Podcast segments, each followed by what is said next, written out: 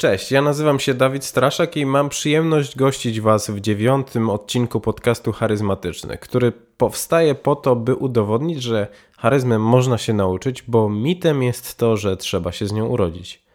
A moim dzisiejszym gościem jest Dawid Tymiński, który opowie o modzie męskiej i jej roli w życiu. Z tego odcinka uzyskacie odpowiedzi na takie pytania jak y, co to znaczy dobrze się ubierać i w jaki sposób to robić jak dobrać strój do okazji i do swojej sylwetki. Jak ubiór wpływa na nas i na innych.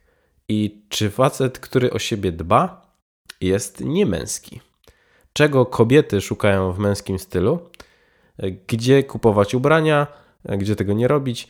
Kim jest personal shopper? I czym jest charyzmatyczny strój?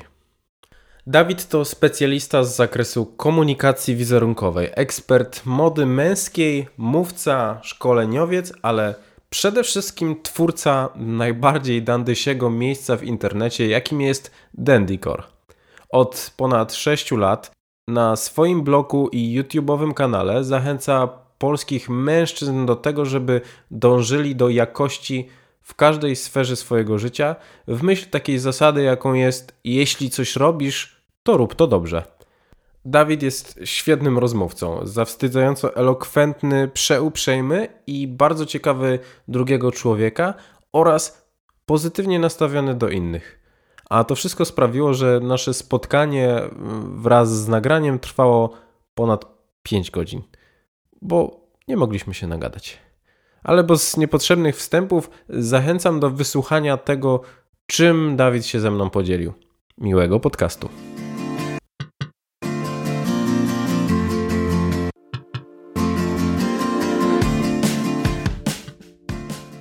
Cześć Dawid, witam Cię serdecznie w podcaście. Cześć, dzięki za zaproszenie i witam serdecznie wszystkich szanownych słuchaczy.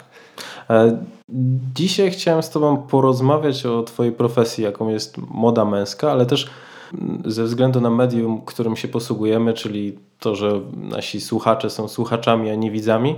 I chciałbym też skupić się w tej kwestii modowej również nie tylko na tym, jak się ubierać, ale w jaki sposób to oddziaływuje na nas i na innych.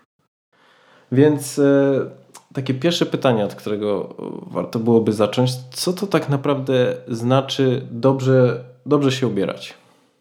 W mojej ocenie mm, i jeśli chodzi o tę kwestię, którą za pośrednictwem wszystkich kanałów, którymi dysponuję w ramach Dandycore, e, i jeśli chodzi właśnie o ideę, którą chcemy przekazać, no to um, ubieranie się dobrze jest takim sposobem ubierania, który sprawia, że czujemy się dobrze.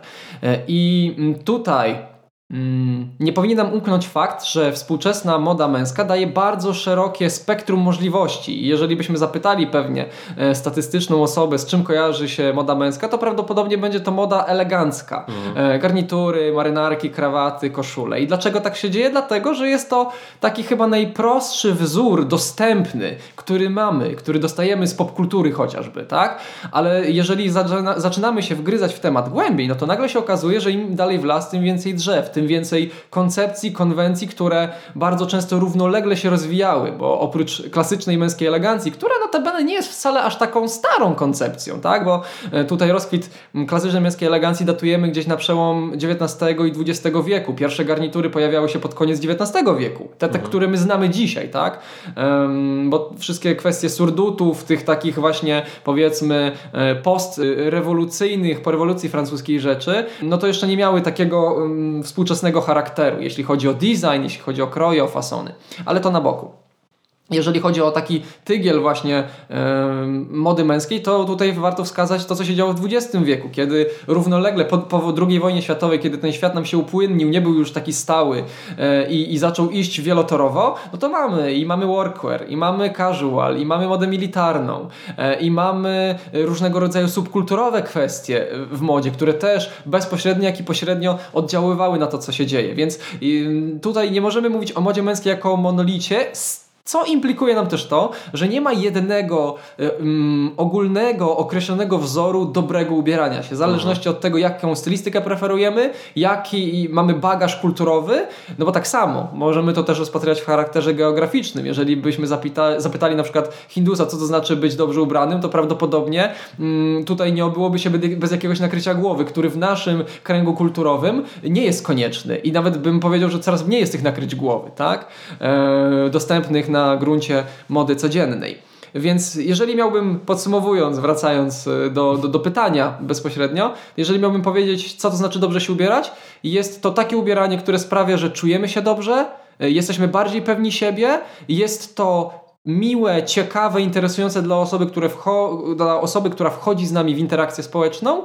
No i oczywiście też zgodne z pewnymi ogólnymi zasadami dla danej stylistyki charakterystycznymi. Tak? Jeżeli e, mamy garnitur, to fajnie, żeby on był dobrze dobrany w kontekście materiału, funkcjonalny, żeby był dobrze dopasowany, żeby był fajnie wzbogacony dodatkami. Jak mamy casual, to żeby nie był, e, nie sprawiał takiego wrażenia, że wyszliśmy dopiero e, powiedzmy z łóżka, jesteśmy tacy właśnie totalnie tutaj luźni, luzaccy w tym złym sensie, tak, ale że to jest zrobione schludnie e, w poszanowaniu tych prawideł estetycznych, jak i praktycznych. Mhm.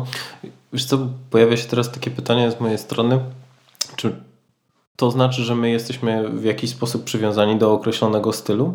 Czy warto mieć jakieś zestawy na zasadzie, wiesz, żeby nie iść przypadkiem na, na zakupy do e, żabki w, e, właśnie w pełnym garniturze, nie? bo w tym czujemy się dobrze. Czyli gdzie znajdować taki złoty środek pomiędzy tym, w czym my się czujemy dobrze, ale żeby nie przesadzać nie iść też w taką śmieszność.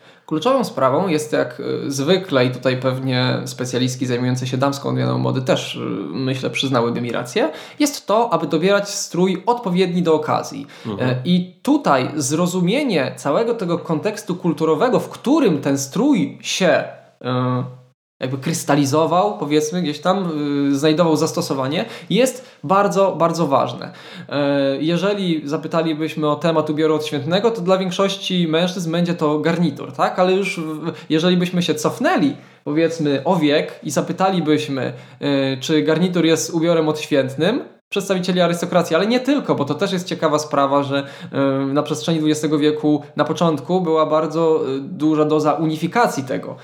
Y, robotnicy także posiadali swoje garnitury codzienne, które były ściągane przed zejściem na przykład do kopalni i przebranie mhm. się w roboczy uniform.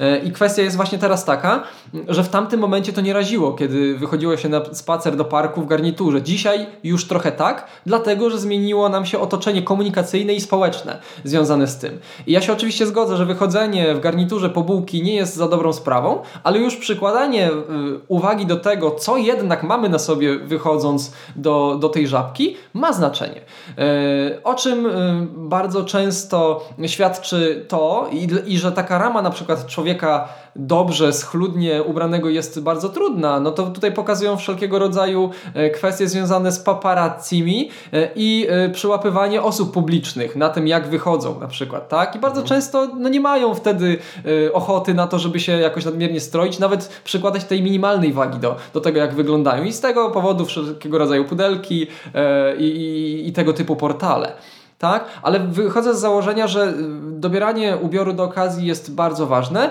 y, ale nie jest możliwe, jeżeli nie znamy tego kontekstu, tak? W którym dany ubiór się, mm, się pojawiał. No i rzeczywiście myślę, że jeżeli ktoś wychodzi w pobułki do żabki w garniturze, może narazić się na krytyczne komentarze i powinien mieć świadomość, że takie doformalizowanie tej okazji sprawi, że może to e, właśnie wpłynąć na jego ubiór w taki sposób też negatywny. I tutaj ta znajomość, bycie wyczulonym na te konteksty jest po prostu bardzo ważne. Dlaczego? Dlatego, że żyjemy w takim systemie komunikacyjnym, który ma pewne określone kody i ich nieznajomość może nas czasami bardzo dużo kosztować.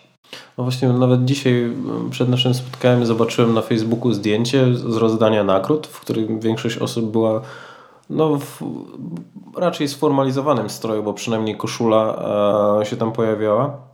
Jeden człowiek, który przyjmował nagrodę, był w krótkich spodenkach i e, w podkoszulku. I pomyślałem sobie, to jest wiesz, całkowicie mm, bez jakiejkolwiek analizy tej myśli, nie zasługuje na tą nagrodę. Z tego względu, że był w ten sposób ubrany. Więc to fajnie, że, że wspominasz o pewnego rodzaju kodach, yy, którymi my wysyłamy, wysyłamy sygnały. I jakbyśmy mogli o tych kodach trochę więcej powiedzieć, nie? Który rodzaj jakby formalności stroju yy, co mówi o nas i, i, w jakich sytuacjach go najlepiej stosować. No bardzo dobrze, że to się pojawia w kontekście dobierania stroju do okazji, bo możemy traktować ubiór jako mniej lub bardziej przemyślany zestaw dobrze zszytych ze sobą kawałków materiałów, ale nie może nam uciekać z pola widzenia fakt, że ze względu na to, że on funkcjonuje w kulturze, y, jest też podatny na y, nasycenie różnego rodzaju znaczeniami. Tak? Dlaczego dzisiaj bywa tak, że w badaniach psychologicznych, jak widzimy osobę w białym kitlu, to od razu myślimy o, o tym, że jest prawdopodobnie lekarzem, ewentualnie może farmaceutą. Jak widzimy kogoś w garniturze, to raczej jest przedstawicielem zawodu profesjonalnego, prawnikiem, może jakimś brokerem giełdowym, może yy, osobą prowadzącą swój własny biznes która jest zobowiązana do tego, aby mm, dbać o ubiór, na przykład właśnie w kontaktach bezpośrednich z kontrahentami. I to jest bardzo, bardzo ważne, żeby, y, żeby o tym pamiętać. Y, wszelkiego rodzaju gale, y, uroczystości mają ten charakter no, uroczysty, zresztą to się nawet w nazwie zawiera. Tak? Mamy ten, ten człon uroczysty, który sprawia, że od razu myślimy o czymś nie, nie bardzo powszednim, nie takim codziennym. Tak? No i teraz jest pytanie, bo y, ja bym też tutaj upatrywał na przykład takiego działania, tej osoby, która została przez Ciebie wspomniana, że może on chciał się wyróżnić, tylko teraz znowu możemy wyróżniać się pozytywnie bądź negatywnie. Jeżeli jest pewien dress code. W przypadku takich gal bardzo często jednak y, nadal na zaproszeniu wyróżnia się, jakiego rodzaju konwencję ubiorową y, powinniśmy zastosować w jego przypadku. I A jeżeli... w momencie, kiedy nie ma? To w momencie, jeżeli nie ma, to możemy albo dopytać, albo ewentualnie zrobić to na wyczucie. Tylko to już jest teraz kwestia albo kompetencji. Albo sprawdzić zdjęcia z poprzednich edycji. Albo sprawdzić zdjęcia z poprzednich edycji. I yy, teraz jest właśnie pytanie, czy ta osoba ubierając się w ten sposób miała świadomość, że ktoś może tak odebrać, że jest to afront, jest to ujma, jest to dyshonor w stosunku do y, innych uczestników tej kon, y, konferencji, tej gali, jak i innych y, uhonorowanych w jej ramach, tak? Y, I to też bardzo często, myślę, umyka nam, że wszelkiego rodzaju zasady nie, nie są elementem, nie są wynikiem przypadku, tylko one były wypracowywane przez pewne pokolenia ludzi, e, w tym przypadku możemy mówić o pokoleniach mężczyzn, którzy wybierali takie rozwiązania, które ułatwiały im życie, a usuwali na margines te, które utrudniały. Mhm. I nam się dzisiaj wydaje, że zasady muszą być krępujące bo żyjemy w takim świecie, który nas uczy tego, że możemy robić co chcemy, że powinniśmy y, wszystko kontestować, powinniśmy y, kontestować nawet niezależnie od tego, czy to jest dobre, czy niedobre, tak? Ale ja bym jednak y, radził tutaj mieć uwagę na to, żeby ta kontestacja była mądra, żeby brać te rzeczy, które na przykład z pewnych względów nie przystają do wymagań współczesności, ale jednak honorować te, które nadal mogą być yy, nam przydatne, mogą być użyteczne. Czyli mhm. mieć takie bardziej właśnie użyteczne podejście. I w tym przypadku yy, umieszczenie informacji o dress na, na zaproszeniu jest sensowne, tak? Bo jeżeli ktoś otrzymuje taką informację, że taki jest obowiązujący yy, status, tak, tak, tak, wybieramy, umawiamy się, że, że poruszamy się w ramach tego typu rozwiązań, no to jeżeli ktoś się z tej, z tej zasady wyłamie, no to powinien być świadomy tego, że może go to narazić na pewne konsekwencje, tak? I nadal, nawet jeżeli mówimy, że jesteśmy takimi już indywidualistami, że ten strój nas nie określa, to nadal nie możemy uciec od tego, że ten strój funkcjonując w kulturze niesie ze sobą pełne znaczenie, czy nam się to podoba, czy nie.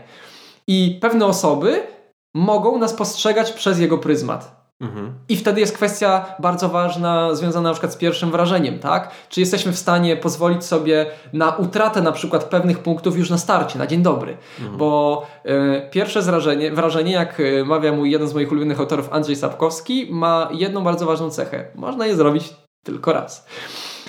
Y, wywrzeć, to tak? jak według Ciebie dobrze zrobić pierwsze wrażenie?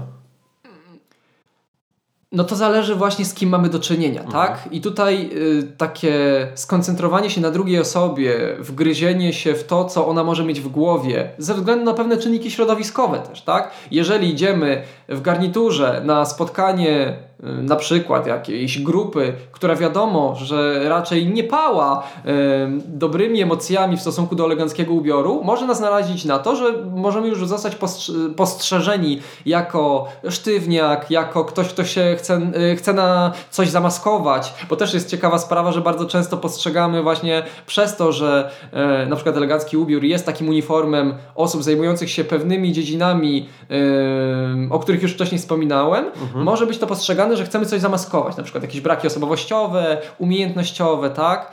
E, a nie, nie, że chcemy wyrazić taki pełen szacunek, tylko że chcemy coś zamaskować. Jeżeli idziemy do casualowego środowiska i, i ubieramy elegancję, to musimy się godzić na to, że możemy zostać postrzeżeni właśnie w taki sposób. Mm, I no i tutaj stara zasada, że koniec języka za przewodnika powinna być, yy, powinna być dalej aktualna. Tak? Jeżeli wchodzimy w jakąś grupę, i to moja babcia też bardzo często używa takiego powiedzenia, że jak wchodzisz między wrony, musisz krakać jak i one. Mhm. Yy, I to jest bardzo ważne, żeby wiedzieć, do kogo chcemy się zwrócić. I teraz właśnie jest sprawa, czy chcemy być indywidualistą za wszelką cenę i nie mamy problemu z tym, że ktoś nas będzie tak postrzegał, czy jednak chcemy na przykład coś mm, osiągnąć, i czy może warto byłoby trochę stanować to, co nam w duszy gra, nawet jeżeli jesteśmy w pełni przekonani, że to jest, e, to jest dla nas ważne? I czy jesteśmy w stanie wypośrodkować tutaj e, jednak te kwestie indywidualistyczne i społeczne, kolektywne, powiedzmy gdzieś tam, tak? Ja jestem, ja jestem zwolennikiem takiego podejścia, że to się da zrobić. Tylko trzeba być bardzo, bardzo wrażliwym na drugiego człowieka tak trochę społecznie. I to jest myślę jedna z, z takich największych chyba kompetencji dzisiejszych czasów. To jest empatia. Umiejętność postawienia się w sytuacji drugiej osoby, wyjścia z własnych butów i wejścia w buty innej osoby. To jest myślę bardzo, bardzo ważne. No ale spójrz na to z tej strony, że w momencie, kiedy pojawiasz się w jakimś miejscu, gdzie jest określony dress code i nie przestrzegasz go w taki sposób, że jesteś zbyt formalnie albo niewystarczająco formalnie ubrany, to też sam sobie rzucasz kłodę pod nogi, ponieważ no to ty jakby musisz się dostosować do, do pewnej grupy ludzi, do, z którymi chciałbyś na przykład porozmawiać, no i w, sam tworzysz tą blokadę na samym początku, którą jest strój w tym przypadku. No tak jak już wcześniej wspominałem, jeżeli się decydujemy na rozwiązania awangardowe, na rozwiązania, które nie są y, akceptowane powszechnie w danej grupie, to musimy się liczyć z tym, że możemy się w ten sposób skazać na społeczny ostracyzm. I to jest prosta sprawa, tak? Tu, to tak naprawdę nie ma niczego więcej do dodania. Jeżeli ktoś e, się decyduje z taką świadomością, to wtedy e, jest o wiele większa szansa, że będzie w stanie innymi aspektami nadrobić na przykład te punkty minusowe, które na początku dostanie, tak? Jeżeli ktoś będzie, nie wiem, ja wchodzę do, do, do nowego środowiska i ktoś mnie y, tutaj od razu przypnie mi łatkę sztywniaka, to myślę, że wystarczy 10 minut rozmowy, żeby tę łatkę odkleić, tak? Tylko teraz pojawia się drugi problem. A co jeżeli to, że taka łatka zostanie nam przylepiona sprawi, że już będziemy sparaliżowani, nie będziemy w stanie tego y, dobrze odkręcić, tak? Mm. No i to już jest problem. Dlatego mówię, że trzeba być naprawdę bardzo, bardzo y, ostrożnym w tych, y, w tych tematach. No i dlatego cały czas wracam do tego tematu, że dobry ubiór to taki, który sprawia, że czujemy się dobrze i pewnie. Mhm. Tak? I niezależnie, czy to jest t-shirt, nieśmiertelniki, bojówki i wysokie buty militarne, czy to jest garnitur, czy to jest y, jakiś casual typu streetwear na przykład, nie ma to znaczenia. Dopóty, dopóki czujemy się w tym dobrze i pewnie, i to też coś o nas mówi, o naszej estetyce, o, o pewnych y, takich kwestiach ideowych, które mamy do zaprezentowania światu, y, o pewnych umiejętnościach, które też mamy, tak? Y, no to to wtedy, wtedy jest dobry ubiór. Ja bym się nie zamykał, nie, ma jednego wzorca wzorca z Sewr dobrego ubioru, tak? Mhm. Z y, tych powodów, o których wspominałem wcześniej. A w momencie, kiedy ktoś przyszedłby do Ciebie i poprosił Cię o radę, w momencie, kiedy nie czuje się w żaden sposób ekspertem i nigdy nie przywiązywał większej wagi do tego, w jaki sposób się ubiera, to w odniesieniu do tego, że być dobrze ubranym to czuć się dobrze, e, to jak byś go pokierował do tego, żeby odnalazł swój styl?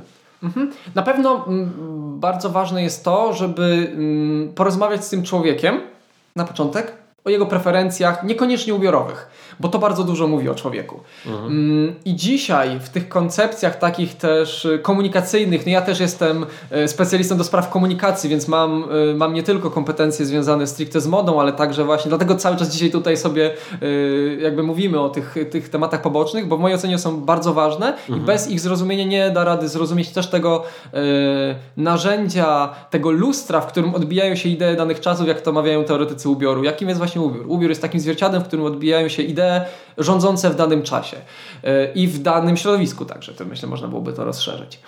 E, I taki bardzo pobieżny wywiad który często stosuję w przypadku też ubierania bezpośrednio ludzi, bo ja też zajmuję się personal shoppingiem. No to właśnie, jakbyś mógł też odnieść do swojego doświadczenia mhm. w momencie, kiedy ty pomagasz bezpośrednio e, jakimś osobom w trakcie zakupów. Tak, no to tutaj to całe oporządzenie komunikacyjne bardzo się przydaje, w sensie wystarczy wtedy zapytać o preferencje stylistyczne danego człowieka, jakich marek używa, jakie rzeczy mu się podobają, czy na przykład na wakacje raczej pojechałby y, nad morze, czy w góry.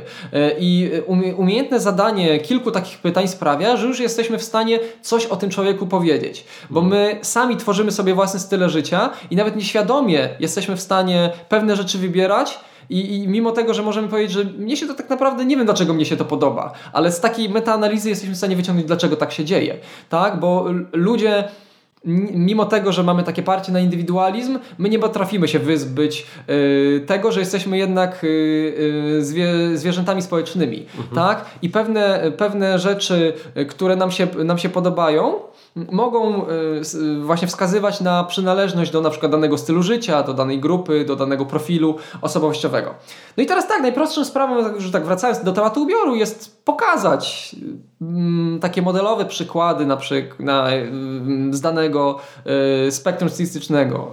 Kogoś... Czekaj, czekaj, po kolei. Mhm. Najpierw pytasz, jakby poznajesz człowieka. Tak. Kim on jest, tak. co lubi. Czym się zajmuje. Czy, żeby y... też dostosować do, do zawodu. Tak, tak, no jak mhm. najbardziej. Jak, jaki tryb pracy ma na przykład, tak? Czy jest bardziej freelancerem, czy właśnie pracuje powiedzmy w, w korporacji, tak? Na etacie, mhm. czy na kontrakcie czy dojeżdża komunikacją miejską, czy posiada swój własny samochód, czy może rower, tak? Y, gdzie, gdzie bywa, czym się interesuje, tak? Bo też bardzo często klienci przychodzą z takim nastawieniem, że chcieliby ten ubiór e, uczynić też wizytówką tego, czym się zajmują, tak? I mhm. jeżeli na przykład ktoś e, zajmuje się jakimś ciekawym zajęciem, no to wtedy też szukamy takich możliwości, żeby spróbować to w mniej lub bardziej widoczny sposób wyeksponować w przypadku tego ubioru. No i tutaj i bardzo często bywa tak, że dobiera się ten strój bardzo mocno do, do, do człowieka. No i pierwszym krokiem, właśnie już takim konkretnym w tym temacie, jest pokazanie możliwości, jakie mamy. Tak? Jeżeli mhm. ktoś mówi, mnie nie interesuje elegancja, ja nie czuję się dobrze w garniturze, nie mam garnituru, go nie potrzebuję. Ja bym chciał, żeby, żeby skomponować moją garderobę w taki sposób, żebym ja nie tracił codziennie kilkudziesięciu minut stojąc przed szafą, tylko ja bym chciał mieć takie, mm, takie elementy, które będą na zasadzie klocków Lego się łączyć. Tak? Zestawy. Tak? tak. Męskie zestawy. Tak. To razem to okay. Tak, dokładnie. I metafora klocków Lego jest ciekawa, bo można byłoby powiedzieć, że jak puzzle, tylko puzzle nie łączą się wszystkie ze wszystkimi, a klocki mm. Lego można połączyć, tak? Więc niezależnie czy mamy klocek żółty, czy czerwony, czy on ma cztery ząbki, czy ma ich sześć, one mają się łączyć. No i to da się zrobić. To da się zrobić. Tylko no, trzeba właśnie tutaj wiedzieć, w jakim kierunku podążać. I ukazanie na przykład ze spektrum casualowego, tak? Streetwear, styl półmilitarny, styl codzienny, styl business casual, y, styl sportowej elegancji powiedzmy, tak? I pokazujemy tego typu stylistyki i nagle widzimy błysk w, w oku takiego człowieka, że to się podoba, tak? No już wiemy na przykład, już mamy taki drogowskaz. No I wtedy... Zdarzyło Ci się tak, że to, co komuś się podobało, nie było, nie czuł się w tym komfortowo w momencie, kiedy sam, sam się przy, y, ubrał w takie, w, takie, w takie ciuchy? Zdarza się, jak najbardziej. Ale wtedy można y, spróbować y, uderzyć w takie bardziej uniwersalne klimaty, w sensie takie klasyki, które rzeczywiście statystycznie się mężczyznom podobają. Ja mam akurat też trzyletnie doświadczenie sklepowe bezpośrednie, więc to jest też y, myślę nieoceniona sprawa w kontekście poznania tych insightów konsumenckich, jakby to można było powiedzieć uh -huh. z mhm. profesjonalnego punktu widzenia. Mm, czyli no miałem okazję przetrenować, czy to, co jest napisane w książkach, że dajmy na to granat, rzeczywiście jest takim kolorem, który pasuje większości yy, karnacji, które występują, yy, no to miałem okazję sprawdzić, że rzeczywiście tak jest. Czy dane fasony ze względu na swoje aspekty praktyczne praktyczne czy estetyczne średnio y, podobają się, tak? No i to jest bardzo, bardzo ciekawa sprawa. Więc nawet jeżeli trafimy w taką, mm, w taką powiedzmy dziurę, tak? Y, która wydawała nam się ciekawym miejscem na pierwszy rzut oka, ale się okazuje, że wchodzimy głębiej i no jest coraz gorzej, no to jesteśmy w stanie zwrócić się ku takim rozwiązaniom, które rzeczywiście na setkach, dziesiątkach tysięcy mm, osób zostały przetrenowane i potwierdza, potwierdzone one są właśnie przez native userów, przez mężczyzn, którzy mówią tak, to jest super sprawa, to się bardzo fajnie nosi, to bardzo dobrze działa. Nie bez przyczyny dzisiaj akurat siedzimy tutaj, czego nasi szanowni słuchacze teraz nie widzą, siedzimy w koszulach typu Oxford. Mhm. Tak, Oxford Cotton Button Down, które są grube,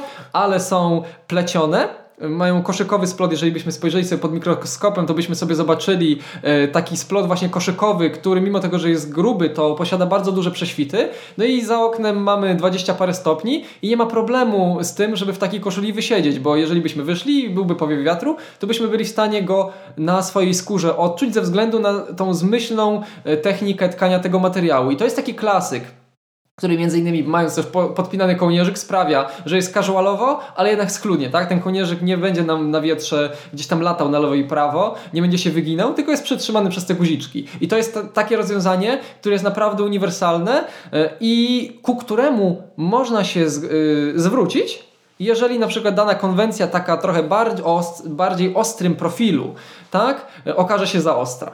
Mhm. A mówiłeś o takich uniwersalnych zestawach, że tak to nazwę. Mhm. To co jeszcze proponujesz ludziom, którzy. Załóżmy dwie wersje. Na co dzień i odrobinę bardziej oficjalne, na przykład do biura.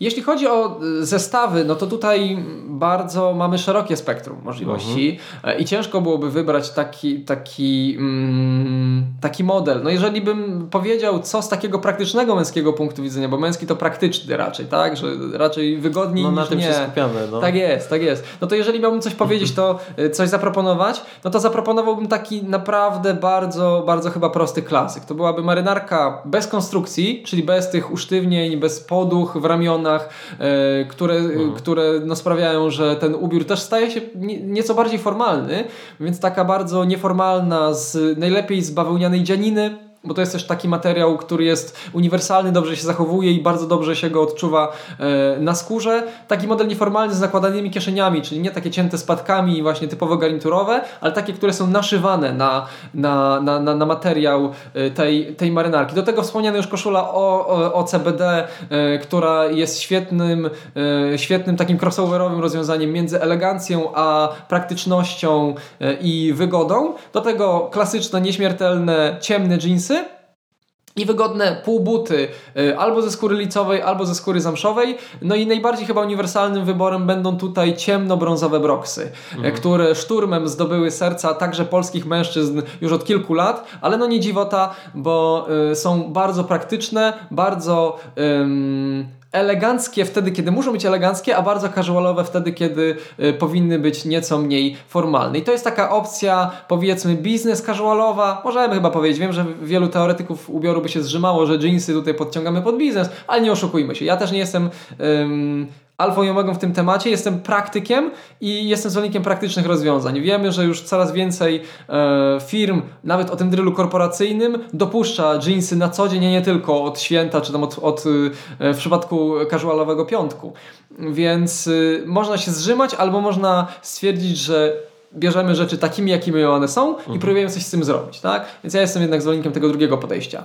Co do tematu ym, biznesowego y, stylu, no to tutaj bardzo mocno musimy się skupić na detalach, bo garnitur garniturowi nierówny. Oczywiście, że powinien być dobrze dopasowany, no to chyba jednak większość y, osób wie, ale wiemy też ale to... tego nie robi ale wiemy, wiemy, wiemy też to, wiemy też to, że w przypadku właśnie garnituru bardzo ważną e, rolę odgrywają detale, jak na przykład materiał, z którego jest on wykonany. Mhm. Bo możemy wybrać materiały y, syntetyczne albo e, materiały naturalne typu wełna, bawełna, len z domieszkami syntetyków, no i wtedy automatycznie domieszka tych syntetyków y, sprawia, że obniża nam się komfort użytkowania tego garnituru. Ja bardzo często lubię porównywać to do próby owinięcia się celofanem. Teraz mamy sezon sezon też na imprezy, śluby, komunie, te, które wymagają formalnego ubioru. Jeżeli mamy 30 stopni, a chcemy nadal wystąpić w garniturze i y, wrzucimy na siebie garnitur, który jest wykonany z syntetyku, no to nie ma tutaj żadnej różnicy, jak gdybyśmy owinęli się celofanem, tak? Izolujemy się yy, bardzo dobrze, promienie słoneczne padają nam na, na materiał, materiał przekazuje go na skórę, automatycznie temperatura wzrasta, no i pocimy się, jest nieprzyjemnie, jesteśmy rozgrzani, jesteśmy zaczerwienieni w punktach styku, to widać na mankietach, y, przy kołnierzyku y, koszuli, no i to nie jest dobra sprawa, więc jak najbardziej naturalne materiały będą dobrą, y, dobrą sprawą. W przypadku klasycznego garnituru będzie to wełna, mamy czas, to też możemy od razu powiedzieć o takim parametrze, który też jest źle rozumiany, to jest o skrętności materiału, bo tak jakoś na naszym polskim gruncie utarło się, że im wyższa skrętność, tym lepszy garnitur, a to nie jest prawda, bo to zależy, na, zależy o co nam chodzi i na czym nam zależy. Jeżeli mamy materiał o wysokiej skrętności, to w ogóle skrętność to jest taki parametr, który mówi o długości włókien, które zostały wykorzystane do stworzenia tej tkaniny. No i teraz możemy sobie pomyśleć, i, też lubię używać takiej analogii do gałęzi. Jeżeli mamy krótką gałąź, to jeżeli ją naciśniemy, to ona nam się złamie. A jeżeli, jeżeli ta gałąź będzie dłuższa, to tym będziemy mieli większą, yy, większy problem z tym, żeby ją złamać, bo ona nam będzie rezonowała, prawda? To, to jest mm. z, z fizyki. Prosta sprawa. I tak samo właśnie z włóknami. Im krótsze włókno, tym ono jest bardziej wytrzymałe i mniej elastyczne, a im dłuższe włókno, tym bardziej elastyczne i mniej wytrzymałe. Co to nam e, implikuje? Implikuje nam to to, że jeżeli mamy garnitur o wysokiej skrętności, czyli te włókna są dłuższe, to on będzie bardziej elastyczny, więc będzie mniej się gniótł, ale będzie bardziej podatny na zużycie. I odwrotnie, im niższa skrętność, tym te włókna krótsze i grubsze, więc będą bardziej wytrzymałe, ale będą mniej elastyczne i będzie ta, ten materiał bardziej się gniótł, tak?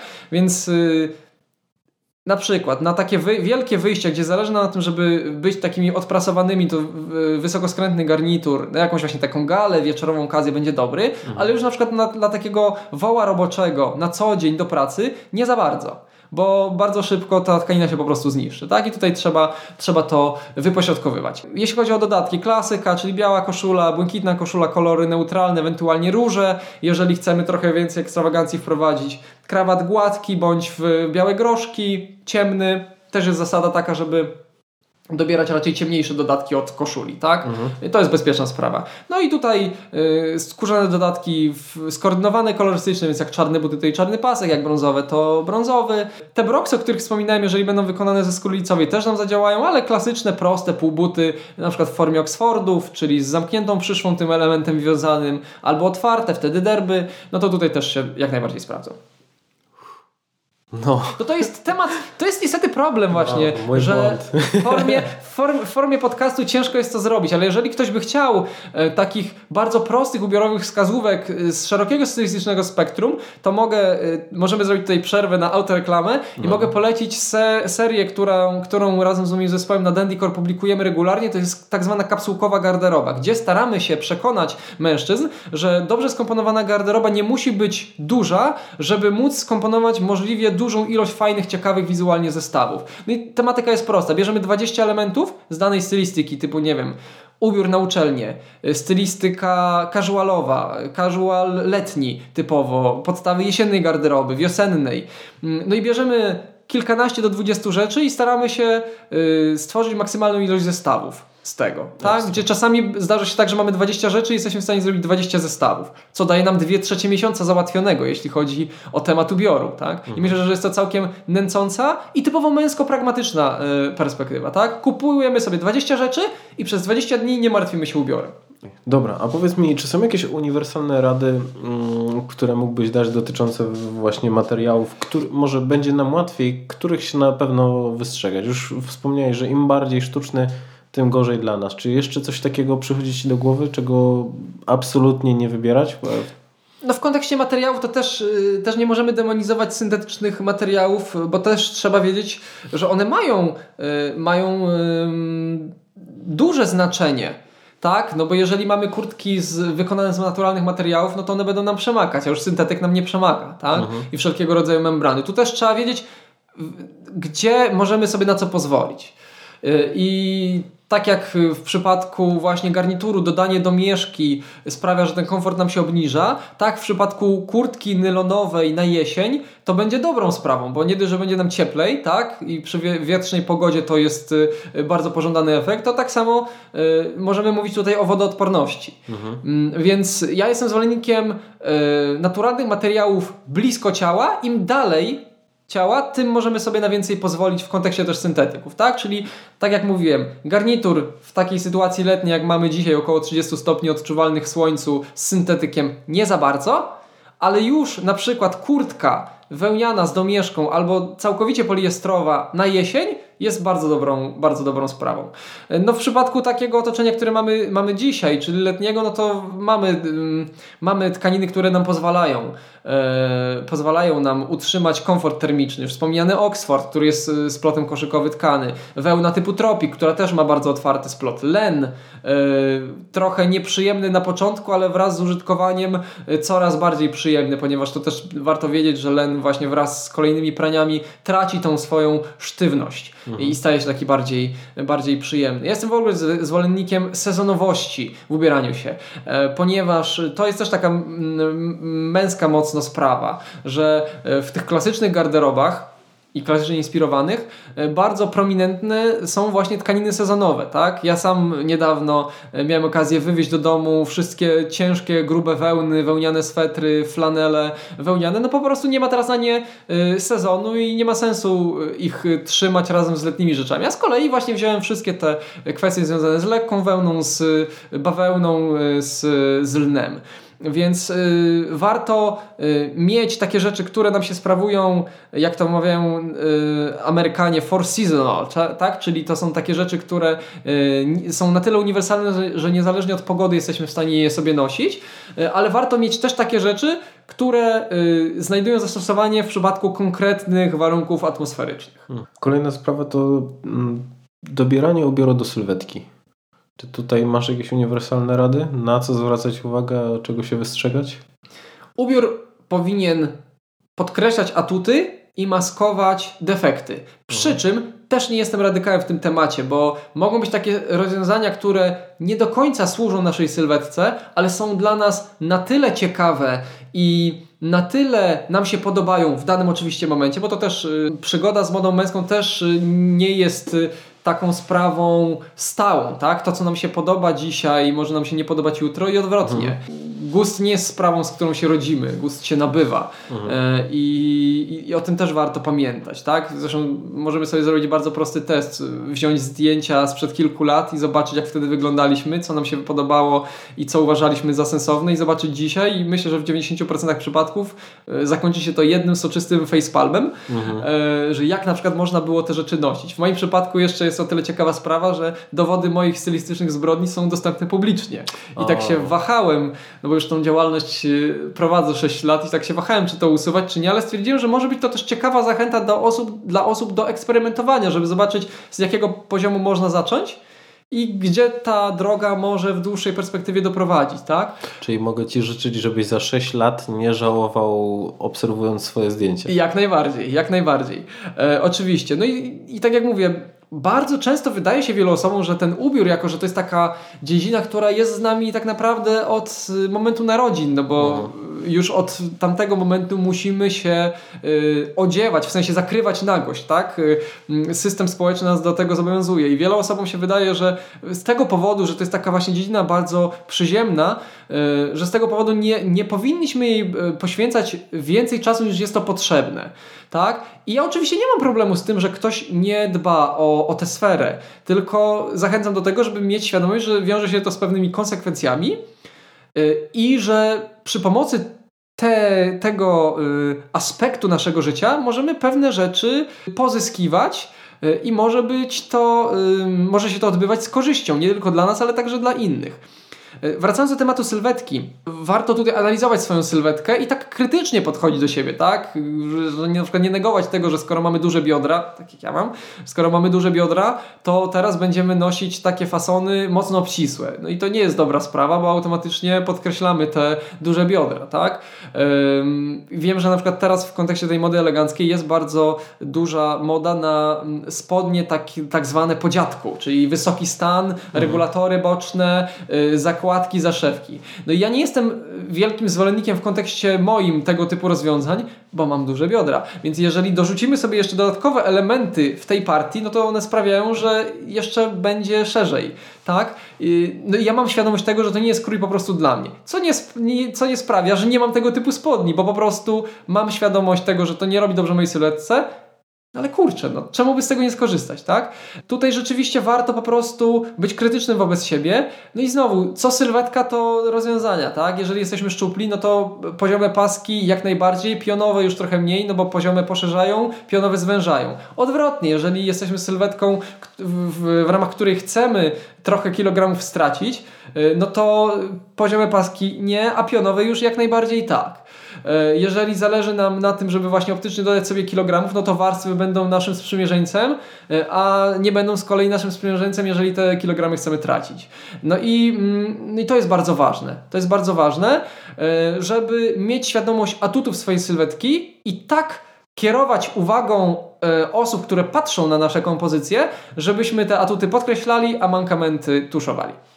A jak miałbyś powiedzieć o takiej idealnej sylwetce, to jakby się scharakteryzował, żebyśmy wiedzieli do czego dążyć w mhm. momencie, kiedy będziemy wszystko maskować. Okej, okay, jeśli chodzi w sensie o... w odniesieniu tylko do mężczyzn. Tak, jak najbardziej. Jeśli chodzi o sylwetkę męską, to pożądaną sylwetką męską jest tak zwana sylwetka odwróconego V bądź trapezu, e, która charakteryzuje się szeroką linią e, ramion, barków, dobrze zarysowaną klatką piersiową, wąską talią i wąskimi biodrami. Tak? No co automatycznie, jak sobie pomyślimy o odwróconym trójkącie bądź trapezie, no to tak mniej więcej nam to wypada. To, że większość mężczyzn takiej sylwetki nie ma, to jest oczywiście temat na inną, na inną rozmowę, ale do niej się powinno dążyć. I mamy rozwiązania w ramach męskiej mody, które pozwalają nam tę y, sylwetkę uzyskać. I jeśli miałbym wskazać taki szczytowy, szczytowe osiągnięcie w ogóle męskiej mody, to to jest właśnie marynarka. To jest klasyczna no. męska marynarka, która sprawia, że zarysowujemy linię ramion, mamy dodatkowo klapy, które poszerzają nam optycznie te partie. Mamy kieszonkę piersiową, tak zwaną brustaszę, do której wkładamy sobie poszetki i też jest to taki element stricte estetyczny, który sprawia, że dodajemy tutaj element, jest, go, jest więcej rzeczy, na których można się skupić i automatycznie też poszerzamy. Mamy taliowanie, które nam podkreśla linię talii. Mamy klasyczną długość, która powinna sięgać mniej więcej za pośladek, która sprawia, że ta sylwetka jest smukła i nawet jeżeli mamy większe biodra, no to taka, taka sprawa yy, pozwala nam trochę te biodra zatuszować, tak? Więc yy, no to jest y, szczytowe osiągnięcie. Dlaczego? Dlatego, dlatego też między innymi, że jest pochodną munduru. E, mówi się, że za mundurem panny sznurem i cała ta elegancka forma y, męskiej mody ma swoją proweniencję militarną i o tym też warto było pamiętać. Mhm. Tak, mundury miały swoją funkcję nie tylko ym, pragmatyczną, że miały być funkcjonalne podczas działań y, militarnych, ale miały też swoją do, do tak naprawdę czasów I wojny światowej mały charakter paradny. Y, one miały wyglądać, prezentować. Zresztą to dzisiaj też widzimy, jeżeli pomyślimy sobie o tych, manifest- o, o tych E, wydarzenia, które są związane właśnie z przeglądem armii, tak? Święto Wojska Polskiego na przykład. No możemy hmm. popatrzeć sobie, jak te mundury wyglądają. No one nie różnią się tak naprawdę dużo od e, tego kroju, który znamy z codziennej elegancji w postaci na przykład garnituru. Tak? Ale dlaczego? No bo garnitur codzienny z tego właśnie ubioru wyewoluował. E, I jeżeli mm, chcemy podnieść jakby poprzeczkę swojego stylu, to myślę, że dodanie marynarki, czy to w casualu, czy to w stylu eleganckim, będzie najprostszą do tego drogą. Hmm. Mamy takich kilka technicznych wskazówek, a gdybyśmy mieli pójść w taką miękką stronę i zastanowić się nad tym, co tak naprawdę ubiór nam daje, mhm. ale też z drugiej strony, w jaki sposób wpływa na, na innych ludzi. Z mojego doświadczenia wynika, że jeżeli dobierzemy do danego stylu życia danej osoby, do jej potrzeb, do jej celów odpowiedni ubiór, no to on może dać kilka rzeczy. Po pierwsze, przy pomocy tego aspektu stylistycznego jesteśmy w stanie zatuszować mankamenty sylwetki. Ja miewałem wielu klientów, którzy po odbytej metamorfozie, czy nawet takim spotkaniu sklepowym, kiedy jeszcze zajmowałem się tym w ramach sklepu, mhm. było tak, że przychodzili do mnie i mówili, że na drugi dzień w pracy, kiedy założyli te rzeczy, które właśnie zakupili ostatnim razem, na drugi dzień pracy ich współpracownicy pytali, gdzie e, można e, pójść na taką siłownię, która sprawia, że traci się 10 kg w jeden dzień. Mhm. Tak? A to był, była tylko kwestia doboru dobrego rozmiaru. Bo na przykład dany klient nosił rzeczy za duże i chował się w tych rzeczach, uważając, że to na przykład pozwoli mu podkreślić jego atuty sylwetki, bo jest szczupły, a chciałby być większy, tak? A to jest najgorsze, co można sobie zrobić, kiedy jest się szczupłym i kiedy chowa się człowiek za za dużymi ubraniami, bo to po prostu wygląda jak za duże ubrania, a nie jak ubrania, które mają spotęgować wrażenie, że jesteśmy bardziej potężni niż w rzeczywistości. Mhm. Więc to jest pierwsza sprawa. Możemy tutaj sterować to w ten sposób. W ten sposób. Możemy wywierać odpowiednie wrażenie. Sam jako y, osoba zajmująca się charyzmą wiesz dobrze, że to, że to ma znaczenie, tak? Że y, to, co wspominałem, że ubiór nie jest tylko y, kawałkami materiału mniej lub bardziej przemyślnie y, zszytymi, ale niesie też tą warstwę komunikacyjną, jest y, pewnym rodzajem przekazu, który chcemy zaoferować światu, może, może też sprawiać, że możemy sterować tym wrażeniem. I wiem, że to może brzmieć brutalnie jakoś tak trochę, trochę niecnie, tak? Że możemy kierować wrażeniem, ale to tak jest. Tak jest. Ale wiesz co, ja bym nie, nie określał tego jako niecne plany, tylko w momencie, kiedy ja przygotowuję sobie jakieś zestawy, e, to zadaję sobie pytanie, w jaki sposób chciałbym się czuć i w jaki sposób chciałbym być odbierany. I bingo, i o to chodzi. I w momencie, kiedy e, kreuję swój wizerunek e, jakby poprzez ubiór, no to to najczęściej się sprawdza. I tak jak e, wcześniej rozmawialiśmy e, z wytłumaczeniem dla słuchaczy, ja korzystam z zdjęć Dawida e, na swoich szkoleniach dotyczących charyzmy w biznesie. I proszę najczęściej grupy o to, żeby stworzyły historię o Dawidzie w dwóch wydaniach. I w, tym przypad- w jednym przypadku jest to pełen garnitur taki mocno biznesowy, a w drugim przypadku jest to bardziej luźna forma, t-shirt, jeansy, obuwie bardziej sportowe. No i e, mimo tego, że Dawid na tych zdjęciach to jest cały czas ta sama osoba, e, no to historie, jakie ludzie tworzą o tych postaciach są diametralnie różne. Więc i to wychodzi za każdym razem, więc okazuje się, że przez mimo tego, że jesteś tą samą osobą, to w jaki sposób się ubierasz, wytwarza to w e, ludziach, którzy widzą cię po raz pierwszy, e, zupełnie inny, inne wrażenie. No bo ubiór, pomimo, oprócz, oprócz tego, że jest sposobem na zakrycie nagości, tak, społecznie wymaganym, jest też komunikatem. I to jest bardzo dobre potwierdzenie, że może być ta sama osoba, w zależności od tego, w jaki sposób się ubierze, tworzą się dwie zupełnie różne historie. I teraz co to nam daje? No daje nam to to, że jesteśmy w stanie kierować tym, jak jesteśmy odbierani. I to jest potężne narzędzie. W momencie takim, kiedy dzisiaj Żyjemy w czasach relacji tak zwanych syntetycznych. One są płytsze, one są szybkie, e, one nie mają czasu, żeby się tak ugruntować jak kiedyś. Jak popatrzymy sobie na strukturę znajomych. Kiedyś nie do pomyślenia, w czasach jeszcze przed social mediami, nie, nie do pomyślenia było to, żeby znać się, e, żeby każdy znał się z co najmniej tysiącem osób. Mhm. Tak realnie, no bo nie było takich możliwości, tak? A dzisiaj przez to, że y, mamy takie możliwości, jesteśmy w stanie nawet znać się z kimś, nie poznając go fizycznie, mhm. tak?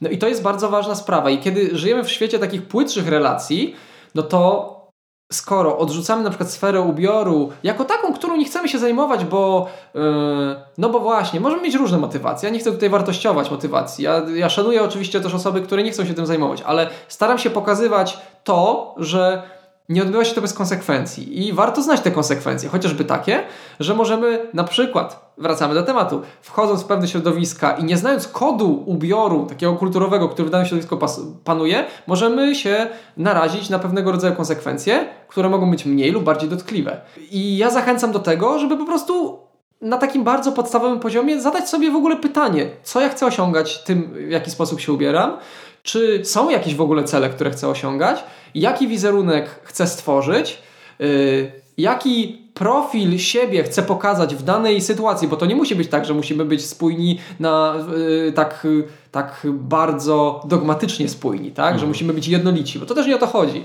Co też między innymi pokazuje właśnie to ćwiczenie, o którym wspominałeś, tak? że możemy być yy, prawnikiem, który, który wychodzi ze swojego samochodu, a możemy być freelancerem ze swojego Porsche. Ze swojego Porsche, tak. Może być prawnikiem, yy, który wychodzi ze swojego Porsche i nie ma czasu nawet zdjąć rękawiczek samochodowych, a mhm. może być freelancerem, który rozmyśla teraz o sojowym latę, mhm. a tak naprawdę jesteśmy studentem, który po prostu wykorzystuje te konwencje, żongluje nimi, mhm. żeby wywrzeć określone wrażenie. I nie ma w tym nic złego, bo kto, yy, kto nigdy nie, nie podejmował żadnych działań autokracyjnych, niech pierwszy, niech pierwszy rzuci kamieniem. Mhm.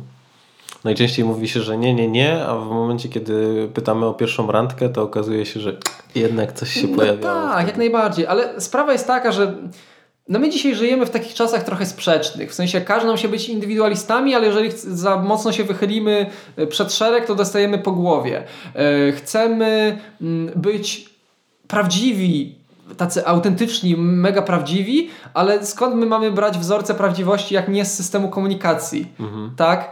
E, no nie możemy tego zrobić, nie jesteśmy w stanie od tego uciec.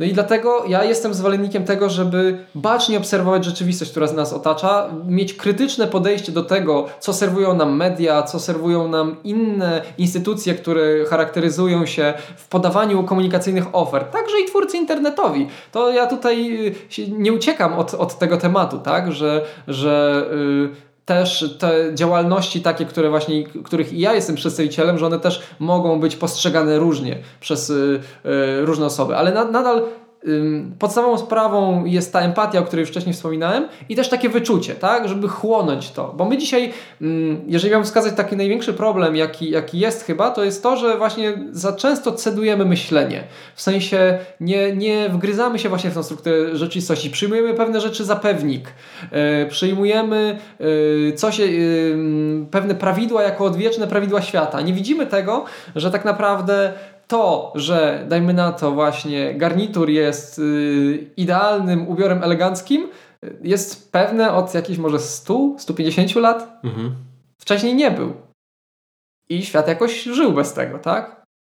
To jest, to jest, mówię, rzeczywistość jest naprawdę bardzo złożona i nam bardzo często nie chce się w tę strukturę wgryzać. A do czego zachęcam, bo to jest bardzo, bardzo, bardzo ciekawa sprawa. I bardzo przynosząca ciekawe efekty na różnych polach. Dobra.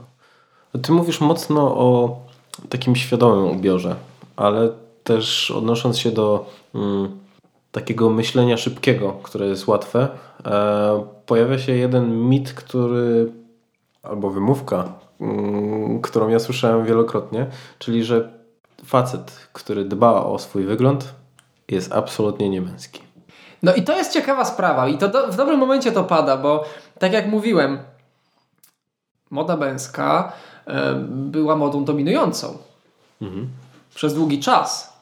E, w sensie nawet możemy, możemy popatrzeć, jeżeli chcemy się odwołać, odwołać do biologii, to bardzo często bywa tak, że e, to samce są bardziej wizualnie bogate od samic, tak? W przypadku ptaków to jest bardzo częste. E, I jeżeli sobie popatrzymy na, na te mm, ośrodki, które kształtowały dominujące idee, no w tym przypadku będą to wszelkiego rodzaju kwestie arystokratyczne na przestrzeni wieków, tak? E, no jeżeli znamy, dajmy na to, czy tendencje w sztuce, czy tendencje w polityce, czy tendencje w stylu życia, to my znamy z historii, to my znamy to wszystko e, przez widzimy to wszystko przez pryzmat okularów, które nosiły elity, tak? I to one nadawały ton życia społecznego. Dzisiaj żyjemy w takich czasach, kiedy tych elit tak de facto nie ma, bo wszystko nam się wymieszało. I co jest ciekawe, co do tego, co do tej niemęskości i dlaczego tak na przykład to jest bardzo mocno obecne w naszej, na naszym polsk, polskim poletku, mam taką koncepcję, nad którą dosyć długo pracowałem, e, też naukowo na uniwersytecie i myślę, że jest ona całkiem sensowna. Bo temat dbania o siebie, e, czy to w kontekście ubioru, czy w kontekście jakichś tam kwestii kosmetycznych, mhm. E, mm, jakby poświęcania czasu na te takie właśnie aspekty, które, które się wiążą z, z, z tym całym ambarasem, pojawia się wtedy, kiedy e, wchodzimy w temat takiego ustabilizowania struktury społecznej, kiedy społeczeństwo się bogaci i ma czas i pieniądze na to, aby tym tematom się poświęcać. I jeżeli sobie pomyślimy teraz o tym wzorcu arystokratycznym, o którym mówiłem, no to on na naszych ziemiach był mocno obecny do czasów międzywojnia, tak? Jak sobie przypomnimy na przykład kabaret starszych panów, to była taka ostatnia ostoja tego starego systemu jeszcze w czasach PRL-u, tak? No i byli zawsze eleganccy, w mowie, w, w stylu bycia, w ubiorze też, tak? No i później przyszedł, przyszedł nam taki niefajny czas, który się nazywał PRL-em i jakby łychą koparki wyciągnął nas w ogóle z tego obiegu na 50 lat. Mhm.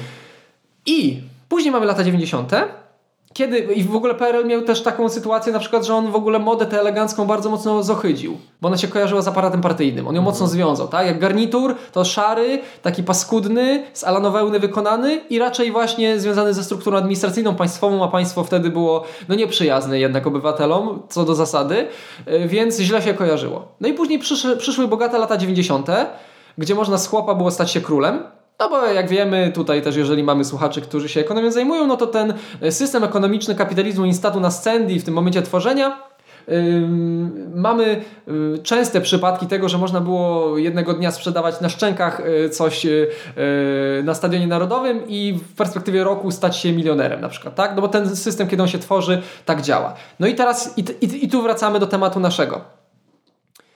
Mężczyzna Mimo tego, że były te wzorce wcześniej, że ubiór był domeną mężczyzn, no bo był ten wzorzec kulturowy, który chociażby był e, uobecniany przez starszych panów.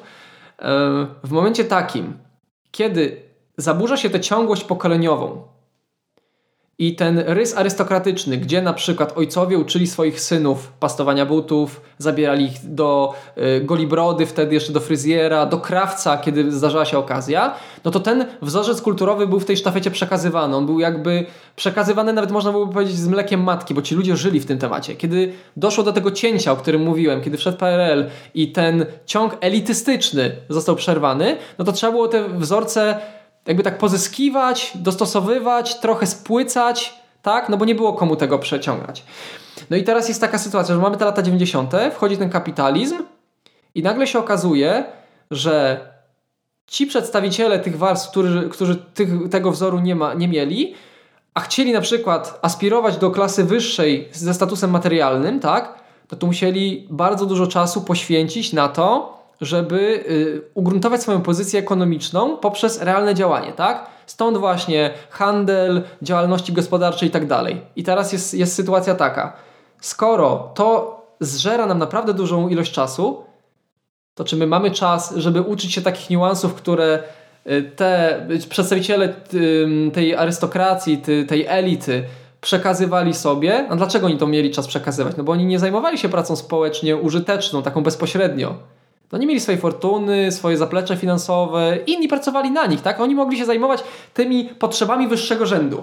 Mhm. I w momencie takim, kiedy my mamy alternatywę albo 10 godzin poświęcić na biznes, który będzie przynosił nam pieniądze, a jesteśmy mężczyznami, musimy przynosić, te, przynosić pieniądze do domu, tak? Musimy tego pierwotnego mamuta zaciągnąć za trąbę do, do jaskini, a mamy się zastanawiać przez 8 godzin na przykład, bo nie mamy kompetencji, do tego, czy ten krawat pasuje do tej koszuli i do tej marynarki, no to chyba sprawa jest jasna. A że natura nie znosi próżni, no to automatycznie, skoro mamy tego takiego mężczyznę pracującego ciężko, no to automatycznie musi jakoś ta próżnia zostać zagospodarowana.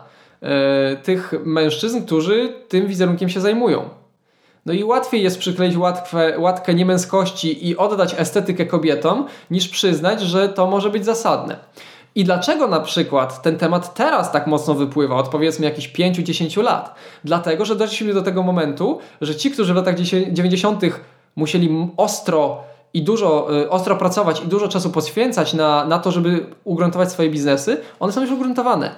I wchodzi nam temat potrzeb wyższego rzędu. Prawda? No i teraz sprawa jest taka właśnie, że mówimy, to ja już nie muszę tyle pracować. To może Zamiast tego piwa to ja bym się napił jakiegoś takiego lepszego alkoholu, może whisky jakieś. Mhm. A może jak tak nosiłem sobie ten t-shirt, to w sumie kurczę, widzę, że tam na, na spotkaniach tego na przykład klubu golfowego, to oni tam noszą jakieś inne rzeczy. Może ja też bym spróbował. Może bym poszedł do barbera, a nie do, do osiedlowej fryzjerki, tak? No i to jest, i to jest ta, ta sytuacja. Yy, I to jest jedna sprawa. Druga sprawa jest taka, że też wchodzi nowe pokolenie do gry. Między innymi nasze pokolenie, tak? Które nie ma tego bagażu. Nie ma tego bagażu, że garnitur to partia i to opresyjne państwo, tak? Tylko my już byliśmy wychowywani, no jestem rocznik 9.2, więc ja już byłem wychowywany w tym, w, w tym temacie, że no mieliśmy już tą ofertę sklepową dostępną, tak? Że były guby turbo, były, były orężady, e, tak? E, więc nie było tylko octu na półkach. No i teraz jest sprawa taka, że e, wiele młodych ludzi wchodząc bez tego bagażu stwierdza, to jest fajne. To jest po prostu fajne, to mi się podoba. Nie? I nie ma problemu z tym, że y, ci, którzy mieli taką perspektywę wcześniej, będą, będą mówili, że to jest niemęskie, nie? Mnie się to po prostu podoba. Ja mhm. szanuję Twój wybór, że Ty nie chcesz się tym zajmować, że Ty pomijasz tę sferę. Ale szanuj mój wybór. I nie postrzegaj tego przez pryzmat takiej właśnie e, łatki, przez pryzmat jakiegoś stereotypu. Bo ja swoimi działaniami temu stereotypowi przeczę, tak? I, I to jest bardzo częsty problem też, który się właśnie aktualizuje w przypadku osób, które się tym wizerunkiem zajmują. Że my jesteśmy bardzo często postrzegani e, w, dwo, w dwojaki sposób. Raz, że przez pryzmat estetyki, która niby mm, angażuje nas na tyle, że nie mamy już czasu na zajmowanie się innymi rzeczami, tak, że skoro y, ja się zajmuję na przykład właśnie mm, tą estetyką, to na przykład wstaję rano i spędzam godzinę przed szafą. Co jest wierutną bzdurą, bo jeżeli ktoś się zajmuje, to, to tak samo dentyst, dobry dentysta nie będzie borował godzinę y, zęba, tak? tylko będzie znał takie sposoby, żeby zrobić to jak najszybciej, jak najmniej inwazyjnie. Tak? Raczej nie będzie szczotkował swoich zębów przez godzinę. Na przykład, na przykład, tak? E, tylko zrobi to w, w, w, minutę i będzie miał, miał to zrobione, tak? Więc jak ktoś się zajmuje czymś profesjonalnie, to raczej nie spędza go, e, kilku godzin nad tą działalnością, tak? Bo ma już pewne umiejętności. I to jest ciekawe w ogóle, że, że tego się nie postrzega w ten sposób, tak? E, no mnie się zdarza oczywiście y, stać y, kilka godzin przed lustrem, ale to raz na miesiąc i tylko po to, żeby sprawdzić na przykład y, jakieś rozwiązania, które chciałbym zaproponować później, tak? Sprawdzam to na sobie, żeby nie sprawdzać później na kliencie, żeby klienta na przykład w przymierzalni nie trzymać kilka godzin. Tak? I to jest, to jest pierwsza sprawa. Druga sprawa, że właśnie przypina się tę łatkę, o, o której powodach mówiłem już przez, przez chwilę tutaj, że przypina się tę łatkę właśnie niemęskości, ale, ale dlaczego, nie? Czy naprawdę to, że ktoś dba o, o to, jak wygląda, jest wyznacznikiem y, męskości, no o wiele, o wiele lepszym wyznacznikiem męskości w mojej ocenie jest to, czy ktoś jest odpowiedzialny, czy nie, czy ktoś y, y, bierze odpowiedzialność za siebie i za innych, czy jest prawdomówny, czy można na nim polegać, czy zajmuje się czymś profesjonalnie, czy daje wartość innym. To są wyznaczniki w mojej ocenie y, o wiele bardziej sensowne niż to, czy ktoś dba o swój wizerunek, czy nie. Mhm. No naprawdę, nie dajmy się tutaj zwariować. A ja, moją rolą jest oprócz tego, o czym już mówię chyba od samego początku, żeby pokazać, że to jest bardzo fajna sprawa, którą można się zająć, jedna z wielu, tak? Jedna z wielu dostępnych opcji, no to to, żeby próbować odczarować też, też ten, ten wizerunek właśnie, że jeżeli ktoś się zajmuje wizerunkiem, to znaczy, że niczym innym się nie zajmuje, co jest błędem, bo, mhm. bo tak nie jest. Ogromnie mi się podoba to, że, e, że nie naciskasz na to, żeby zajmować się swoim wizerunkiem, bo gdzieś tam e, pojawia się taka obawa w momencie, kiedy rozmawiasz z kimś, kto zajmuje się czymś profesjonalnie, że będzie ci coś narzucał. I że tak jak kiedyś o tym wspominałeś na jednym ze swoich wykładów, że w momencie, kiedy ludzie cię widzą, to pojawia się w nich taka obawa, o to teraz będzie mi wytykał, co jest nie tak w moim ubiorze i mhm. zaraz powie, e, do tych butów to nie pasuje, więc powinieneś to zmienić. A jak to jest w rzeczywistości? To jest też problem, że osoby zajmujące się modą są postrzegane jako modowi hejterzy bardzo często. Mhm. A ja nie mam problemu z tym, że ktoś próbując swoich sił na tym polu popełnia błędy. Tak jak mówiłem, moje błędy kardynalne, y, za które należałby się modowy kryminał, są widoczne w internecie tak? od 2012 roku. I nie ma problemu, bo to też wspiera tę komunikację, która mówi, że to jest proces, że jest pewien punkt, z którego się startuje to jest droga, którą się przebywa i jest pewien punkt, do którego się prędzej czy później, później dochodzi. Y, I jeśli chodzi o kwestię oceniania innych, to ja jestem bardziej skłonny zachwycić się czymś, niż kogoś skrytykować za to, jakie błędy w ubiorze popełnił. Inna sytuacja jest, jeżeli ktoś przychodzi i pyta się mnie, do, Dandys, dobrze? Mhm. No jak, jak, coś jest niedobrze, no to wtedy powiem, że niedobrze. Ale też jestem w stanie docenić to, co jest dobre.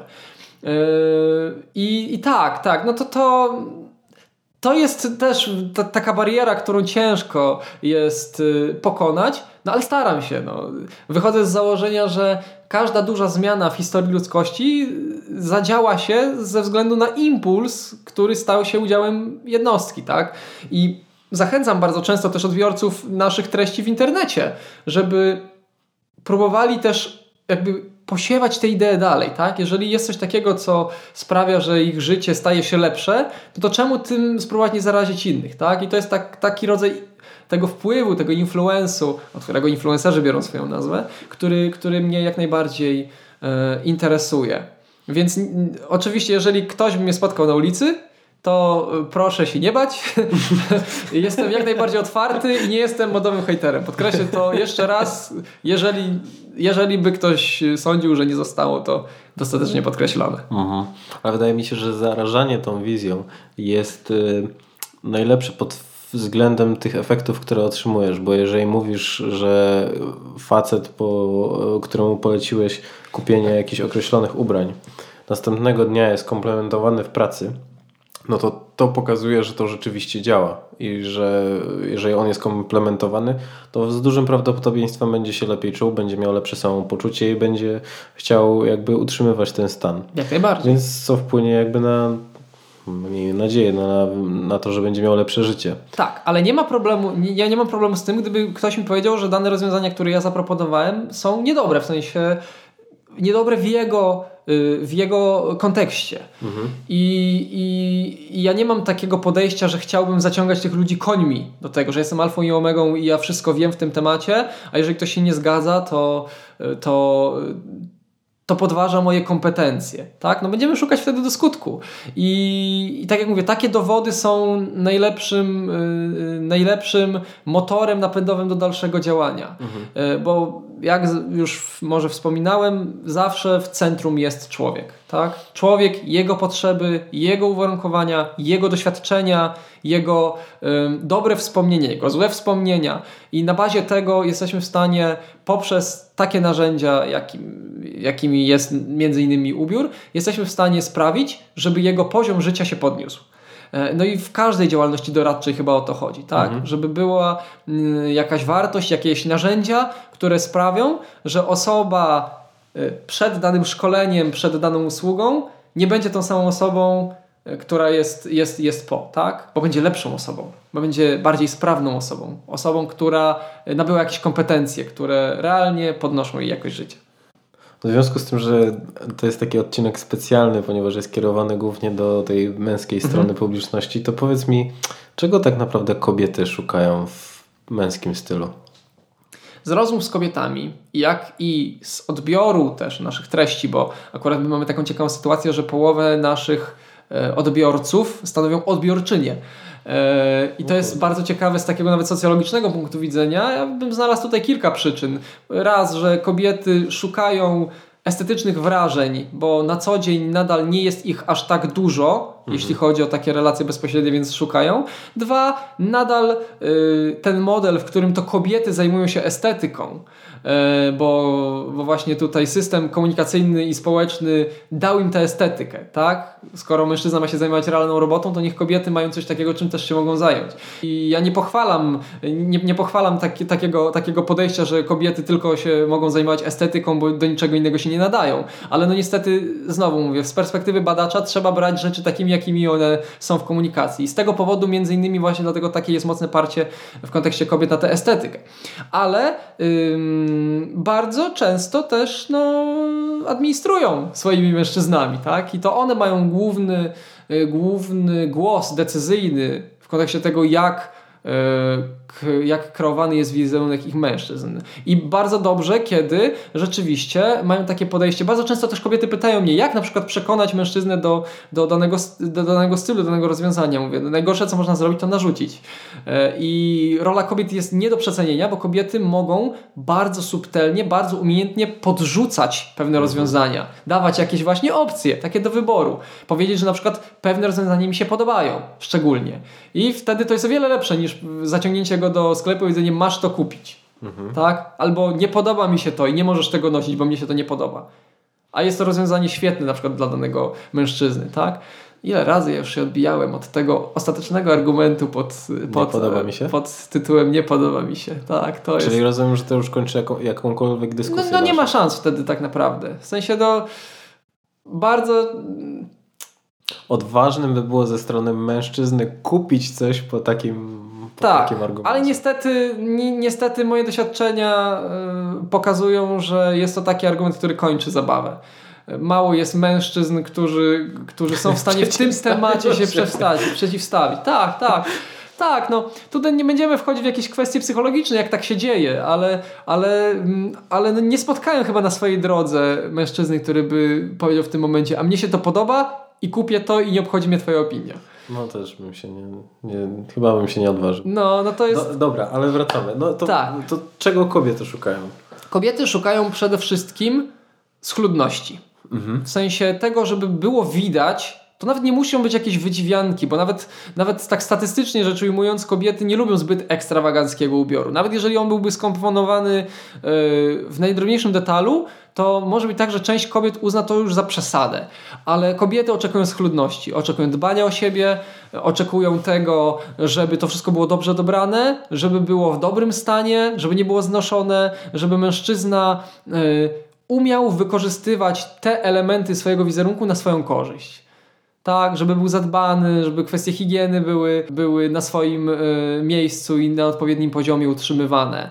Y, Oczywiście są tutaj pewnego rodzaju e, badania, które pokazują, że pewne konwencje ubiorowe bardziej się podobają, a, a, pewne nie. Tylko w momencie takim, kiedy mamy rzeczywiście też to rozwarstwienie duże, że coraz, coraz więcej mamy takiej tendencji do casualizacji, do tego odformalniania, żeby było wygodnie, tak? I mamy coraz więcej z tego między innymi powodu taka popularność streetwearu. I te elementy streetwearowe też mocno oddziałują na inne konwencje. Już takie marki e, bardzo klasyczne męskie, na przykład te włoskie, jak Hermeneligo, e, Ermenegildo Zenia, Keaton, e, Brioni, e, czy z, z, takich bardziej przystępnych, na przykład Massimo Dutti, od kilku dobrych sezonów forsuje takie rozwiązania znane ze streetwearu, typu na przykład spodnie typu jogger. Mhm. I nie ma problemu z tym, żeby wejść sobie do Massimo Dutti i kupić sobie spodnie typu jogger. Oczywiście one nie będą typowo dresowe, ale będą bardziej bawełniane albo może nawet z wełny, ale no rozwiązanie jest rozwiązaniem, rozwiązanie jest streetwearowe. Typowo, tak? Więc ta tendencja do casualizacji jest bardzo mocno obecna. Ale nadal, jak już wcześniej wspominaliśmy sobie, że statystycznie za mundurem panny idą sznurem, tak te kwestie eleganckie, związane na przykład właśnie z marynarkami, chociażby na gruncie takiego smart casualu codziennego, że marynarka, może t-shirt, może jakaś koszula właśnie o CBD, jakieś jeansy, to to jest coś takiego, co naprawdę się, się podoba. Bo w morzu t-shirtów to nadal robi przewagę konkurencyjną. Mhm. A masz jakieś takie historie z ludźmi, e, których ubrałeś i po tym, kiedy dokonała się metamorfoza, oni mówili, słuchaj Dandy, Muszę drukować numery telefonów na wizytówkach, żeby je rozdawać kobietom, które, które mnie zaczepiają. No tak, jak najbardziej, bo mm, jak najbardziej się zdarzają takie sytuacje, e, bo jak już mówiłem, to jak wyglądamy jest, y, ma bardzo duży wpływ na to, jak się czujemy, jak jesteśmy postrzegani. I rzeczywiście bardzo często nawet głupia zmiana rozmiaru, tak? zrezygnowanie z takich za dużych rzeczy na rzecz y, takich y, bardziej dopasowanych, które podkreślają atuty naszej sylwetki, no sprawia, że y, ta osoba zyskuje pewność siebie, którą którą jest w stanie później na rynku matrymonialnym zaoferować. I to jest mhm. bardzo duża przewaga konkurencyjna. E, no i zdarzało się tak nie raz, nie dwa, e, że, że właśnie dochodziły do mnie głosy, że e, osoby mm, spotykały na przykład właśnie ciekawe osoby na tym rynku matrymonialnym, ale też często na przykład zmieniały pracę. Tak, bo dochodziło do takiej sytuacji, że zaczynały się tym tematem interesować, poprzez ten ubiór nabierały większą pewność siebie i stwierdzały na przykład, że dana praca, którą w tym momencie wykonują jest już poniżej ich ambicji i później dzięki y, swoim kompetencjom popar popartym tym wizerunkiem były w stanie na przykład albo wynegocjować lepszą stawkę, albo były w stanie zmienić tę pracę na zupełnie inną. I takich historii jest mega dużo i to jest też ten wpływ, który jest bardzo, bardzo przyjemny, tak? Który oczywiście sprawia, że y, można się cieszyć z tego tytułu, że y, ten wpływ jest, ale z drugiej y, strony automatycznie też przychodzi taka refleksja, że trzeba być bardzo odpowiedzialnym w tym temacie, że trzeba y, ważyć każde słowo, nie można być rzeczywiście kategorycznym, bo można później dojść do takiej sytuacji, że ktoś stwierdzi, a u y, w artykule na Dandycore było napisane to i to i nie będę tego robił i może później na przykład y, danego rozwiązania nie stosować, mimo tego, że w jego przypadku byłoby ono sensowne, tak? Więc tu rzeczywiście ten aspekt odpowiedzialności myślę też nie powinien nam z pola widzenia uciekać. Jeszcze wracając do takich aspektów te technicznych. Jeżeli przyszedłby do Ciebie człowiek z, z pytaniem, gdzie, gdzie kupować ubrania, żeby nie przepłacać. Nie? Załóżmy, że to jest student i on nie ma zbyt dużo e, funduszy na to, żeby, żeby zająć się swoją garderobą, a po wysłuchaniu tego podcastu wierzę, e, że to jest dobry krok, e, znaczy krok w dobrą stronę. Mhm.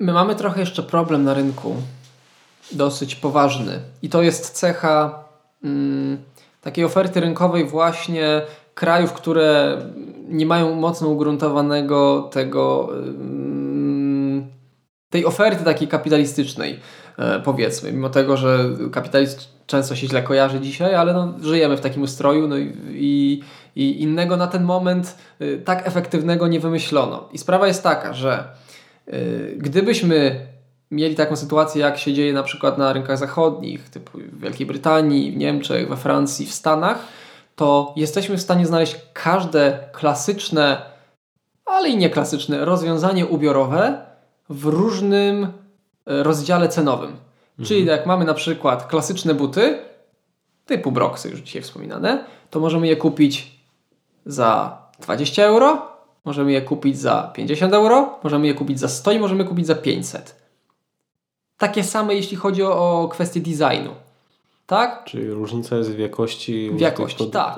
I mhm. tylko teraz tak, kupując te za 10 euro wiemy, że one nam wystarczą na pół roku, te za 50 to może z rok, dwa sezony dadzą radę, te za 100 już są sensowne, a te za 500 to tam prawdopodobnie będziemy mieli usługę y, wymiany podeszwy, y, odświeżenia, y, całej renowacji, jeżeli odeślemy do producenta i tak dalej. I to jest taka sytuacja.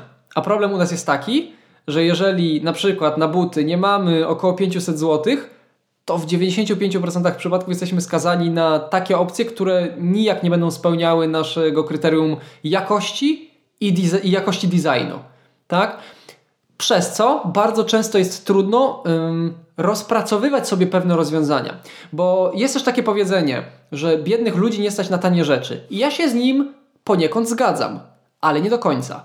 Bo można wydać od razu dużą sumę pieniędzy na rozwiązanie, które teoretycznie powinno nam leżeć, pasować, powinno nam dobrze służyć i nie wiem, wydamy 1000 zł na buty i nagle się okazuje, że te buty nam nie leżą.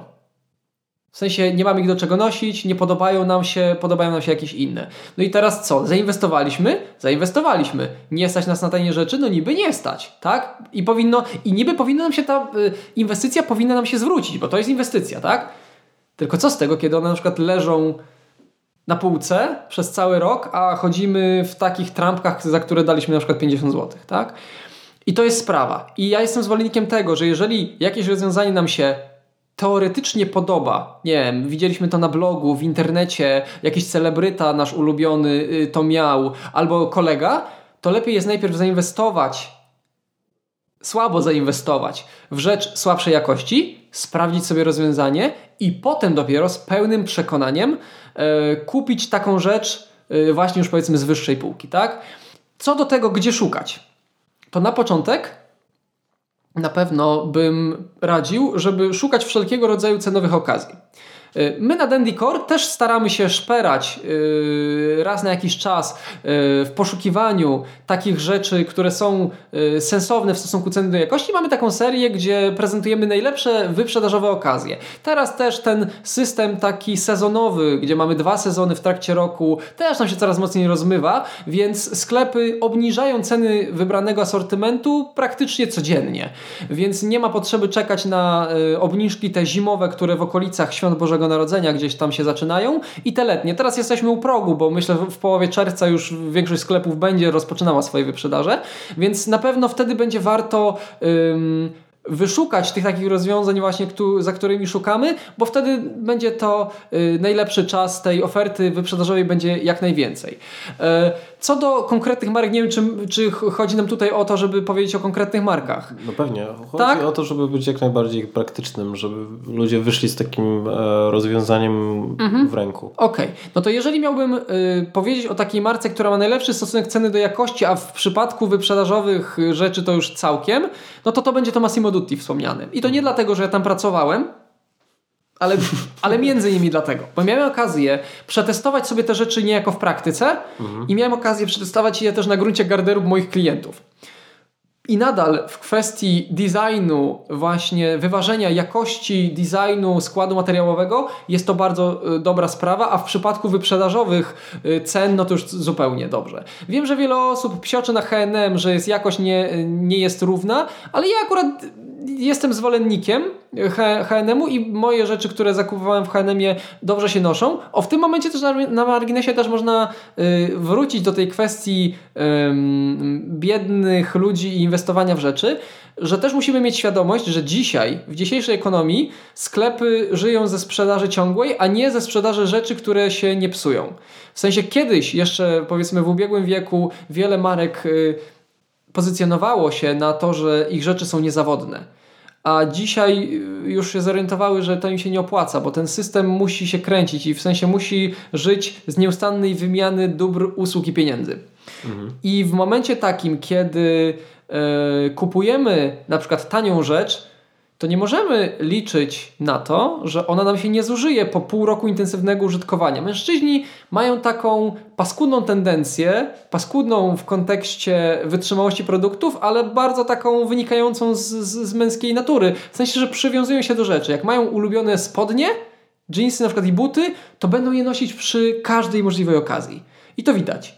Nie wiem, czy też tak y, miewasz, że masz na przykład takie rzeczy, w których po prostu czujesz się jak w drugiej skórze i chętnie byś z nich nie wychodził. Ale wiesz, no to jest zasada Pareto, nie? że 20% ciuchów nosimy przez 80% no tak, czasu. Tak, więc... tak, tylko teraz pojawia się pytanie, jeżeli mamy takie jeansy, za które nawet daliśmy powiedzmy, nie wiem, te 300-400 zł. To jest taka już górna granica, jeśli chodzi o, o, o, o, o jeansy, taka społecznie myślę akceptowalna, tak? Mhm. I nawet one kosztują 300-400 zł, a my je będziemy nosić 5 dni w tygodniu, to nie ma szans na to, żeby one nam posłużyły rok.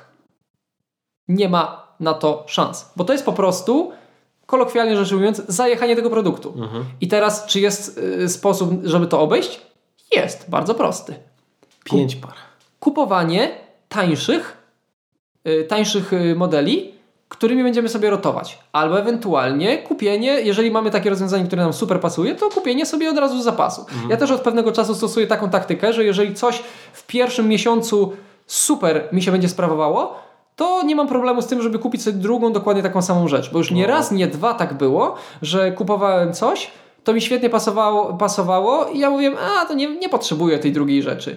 I było tak, że w momencie takim, kiedy ta rzecz znikała z oferty, to tamta już przestała mi służyć, tak? Mhm. Bo po prostu się znosiła. No i to jest niestety taka rzecz, że rzeczy są do użytku, tak? Do użytku, musimy je używać, użytkować i one się niszczą. Więc jeżeli chcemy, żeby tanie rzeczy nam dobrze służyły, to nie możemy po prostu ich nadwyrężać nadmiernie.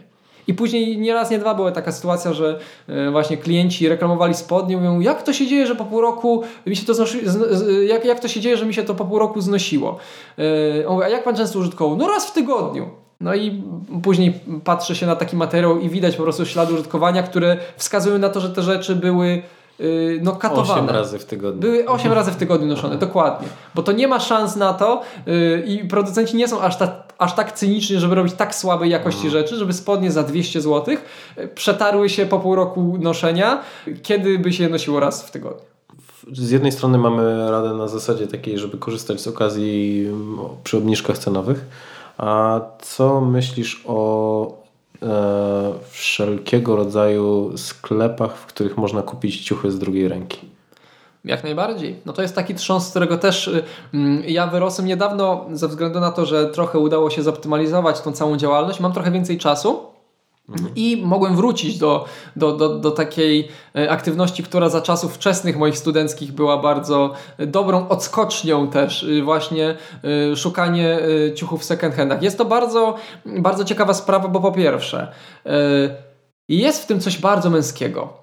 Ja wychodzę z założenia, że mężczyźni nie zatracili w sobie instynktu łowcy, E, I e, w momencie takim, kiedy dzisiaj no, mamy coraz mniej tych mamutów, które możemy do, e, do jaskini przyciągać, takie szukanie okazji w sklepach między innymi z drugiej ręki też może aktualizować w nas właśnie ten pierwotny instynkt, tak? Kiedy mhm. znajdujemy coś, co jest unikatowe, coś, co jest jednostkowe, coś, co może stanowić przewagę konkurencyjną. No mam wiele naprawdę rzeczy, y, które są świetne, ale właśnie tylko dlatego, że udało się je w vintage shopie y, znaleźć. To jest pierwsza sprawa. Dwa, no okazje cenowe no to jest w ogóle podstawowa sprawa, tak? że te rzeczy są o wiele tańsze yy, niż te, które kupujemy y, w, w sklepie. Trzecia sprawa to jest to, że kiedy kupujemy ubranie naprawdę vintage, to są, czy to mogą być jakieś yy, wypusty pracowni krawieckich, czy to mogą być jakieś właśnie marki, jakieś vintage'owe linie znanych marek, yy, czy to mogą być nawet jakieś rzeczy, nawet i z sieciówek, ale, y, ale sprzed kilku sezonów i już y, dawno y, tamte rzeczy zdążyły się zużyć, a my znaleźli, znaleźliśmy rzecz w dobrym stanie, no to to sprawia, że te rzeczy mają duszę. Mają często niepowtarzalny czar, często mogą być nawet w przypadku, dajmy na to, skórzanych kurtek, tak? Mogą one mieć już te ślady użytkowania, które sprawiają, że mają o wiele więcej charakteru, tak? Mhm. Że to nie jest taka rzecz, którą bierzemy z wieszaka ze sklepu, tylko ona już została w pewien sposób tym zębem czasu nadszarpnięta i ma to naprawdę, naprawdę e, świetny urok. Przy czym nadal yy, szperanie w sklepach z odzieżą z drugiej ręki jest domeną kobiet, więc jeżeli jesteśmy mężczyzną e, i chcemy e, coś znaleźć, to mamy po prostu mniejszą konkurencję. Mniej osób e, prawdopodobnie będzie konkurowało o dany asortyment. A jeżeli jeszcze jesteśmy w ogóle z małej miejscowości, no to, to już w ogóle jest super. Bo w dużych miastach, jak, jak to widzę we Wrocławiu, już coraz więcej osób jest o tym przekonanych, ale kiedy wracam do mojej podrodzinnej Świdnicy, gdzie jest bardzo duża oferta sklepów z odzieżą z drugiej ręki, no to jak wiadomo, też y, estetyki są różne w przypadku, y, w przypadku też tutaj y, geograficznym, tak? Takiej, takiej lokalizacji. I te rozwiązania, które tutaj we Wrocławiu wyprzedałyby się na pniu, w przypadku mniejszych miejscowości nie znajdują chętnych. Mhm. Więc można znaleźć je jeszcze w jeszcze bardziej atrakcyjnych cenach. No i tak jak mówię, ja bardzo często jadę do Świdnicy i mogę przebierać jak w ulęgałkach. I aż dziw bierze, że nikt na to nie patrzy. Tylko kwestia jest taka, że na przykład na kołnierzyk koszuli, który jest wykonany z jednego kawałka materiału, ja patrzę jako na perełkę, a ktoś, kto nie ma tej kompetencji, nie ma tej wiedzy, mhm. będzie patrzył na koszula.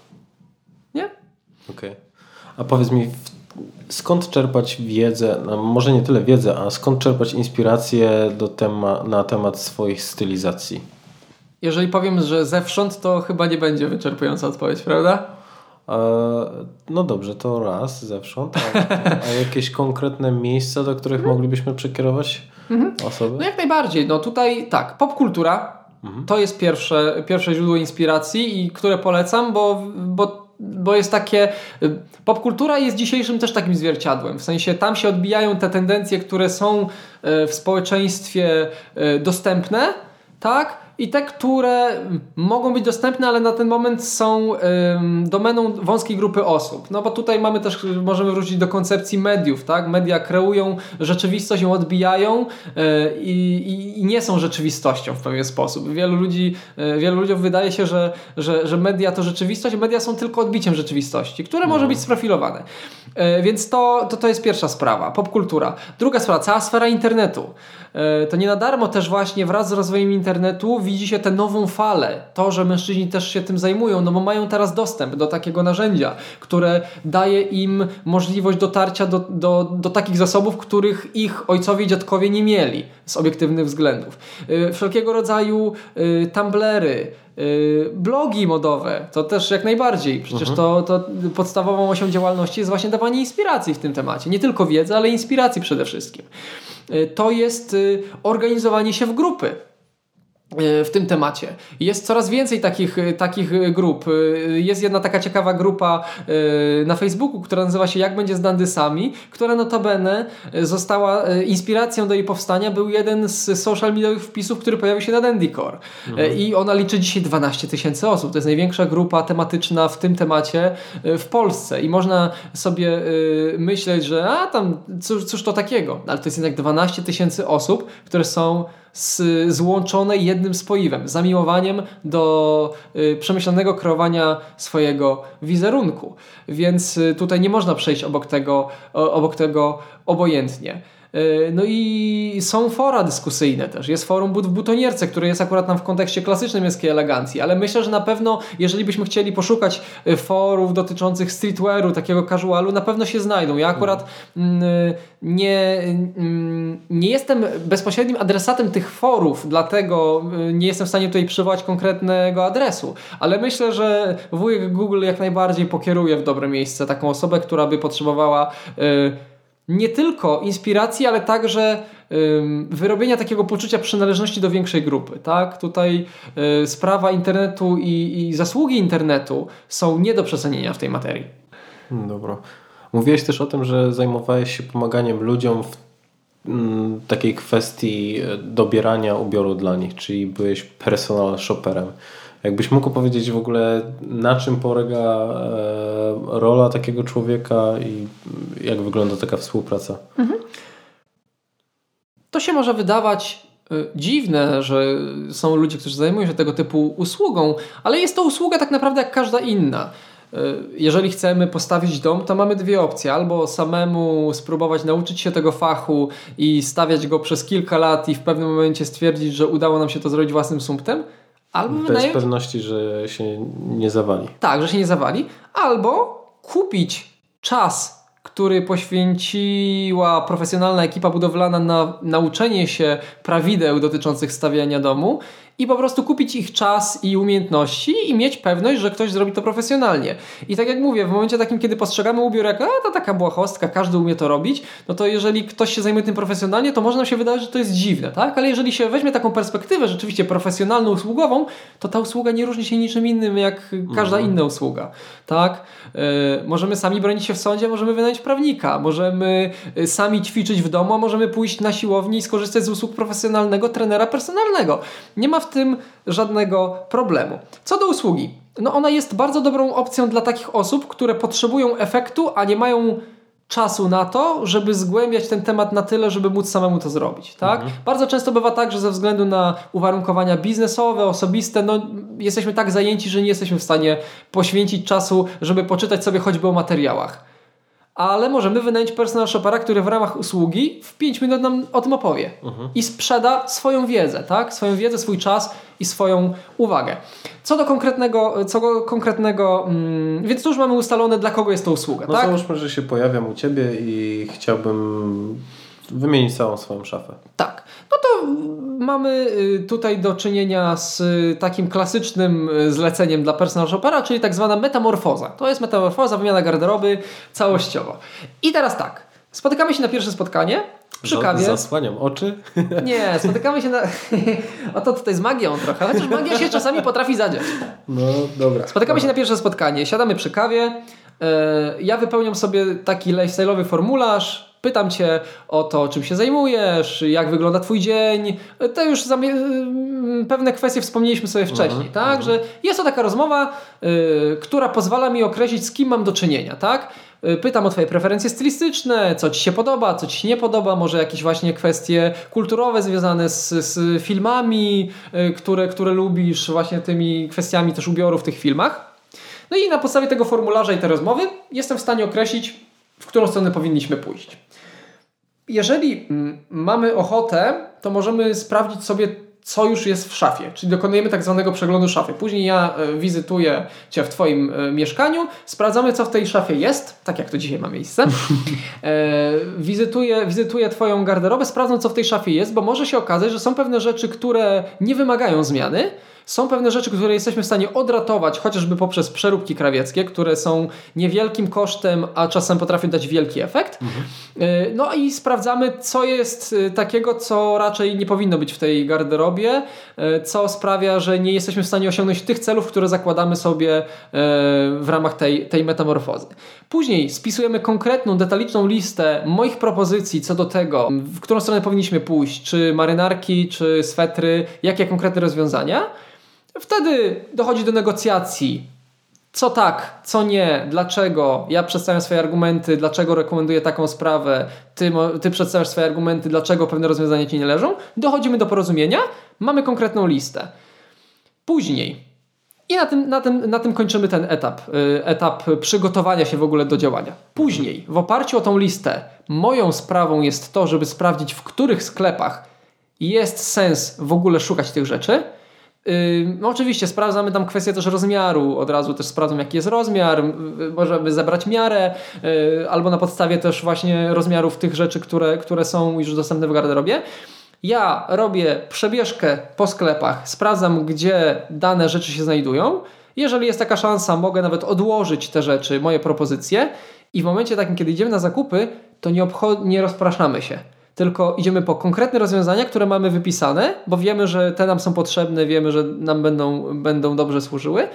I jeżeli coś w trakcie zakupów złapie Twoją uwagę na tyle, że yy, chciałbyś to nabyć, no to też nie ma problemu, tak? Ale raczej co do zasady staramy się trzymać tego planu, bo kwestia jest taka, że jeżeli ktoś decyduje się na zakup takiej usługi, no to bez sensu jest, kiedy ona trwa tyle samo, jeżeli byś był w stanie pójść sobie na zakupy sam. Mhm. Ja jestem zwolennikiem maksymalizacji efektu, minimalizacji czasu.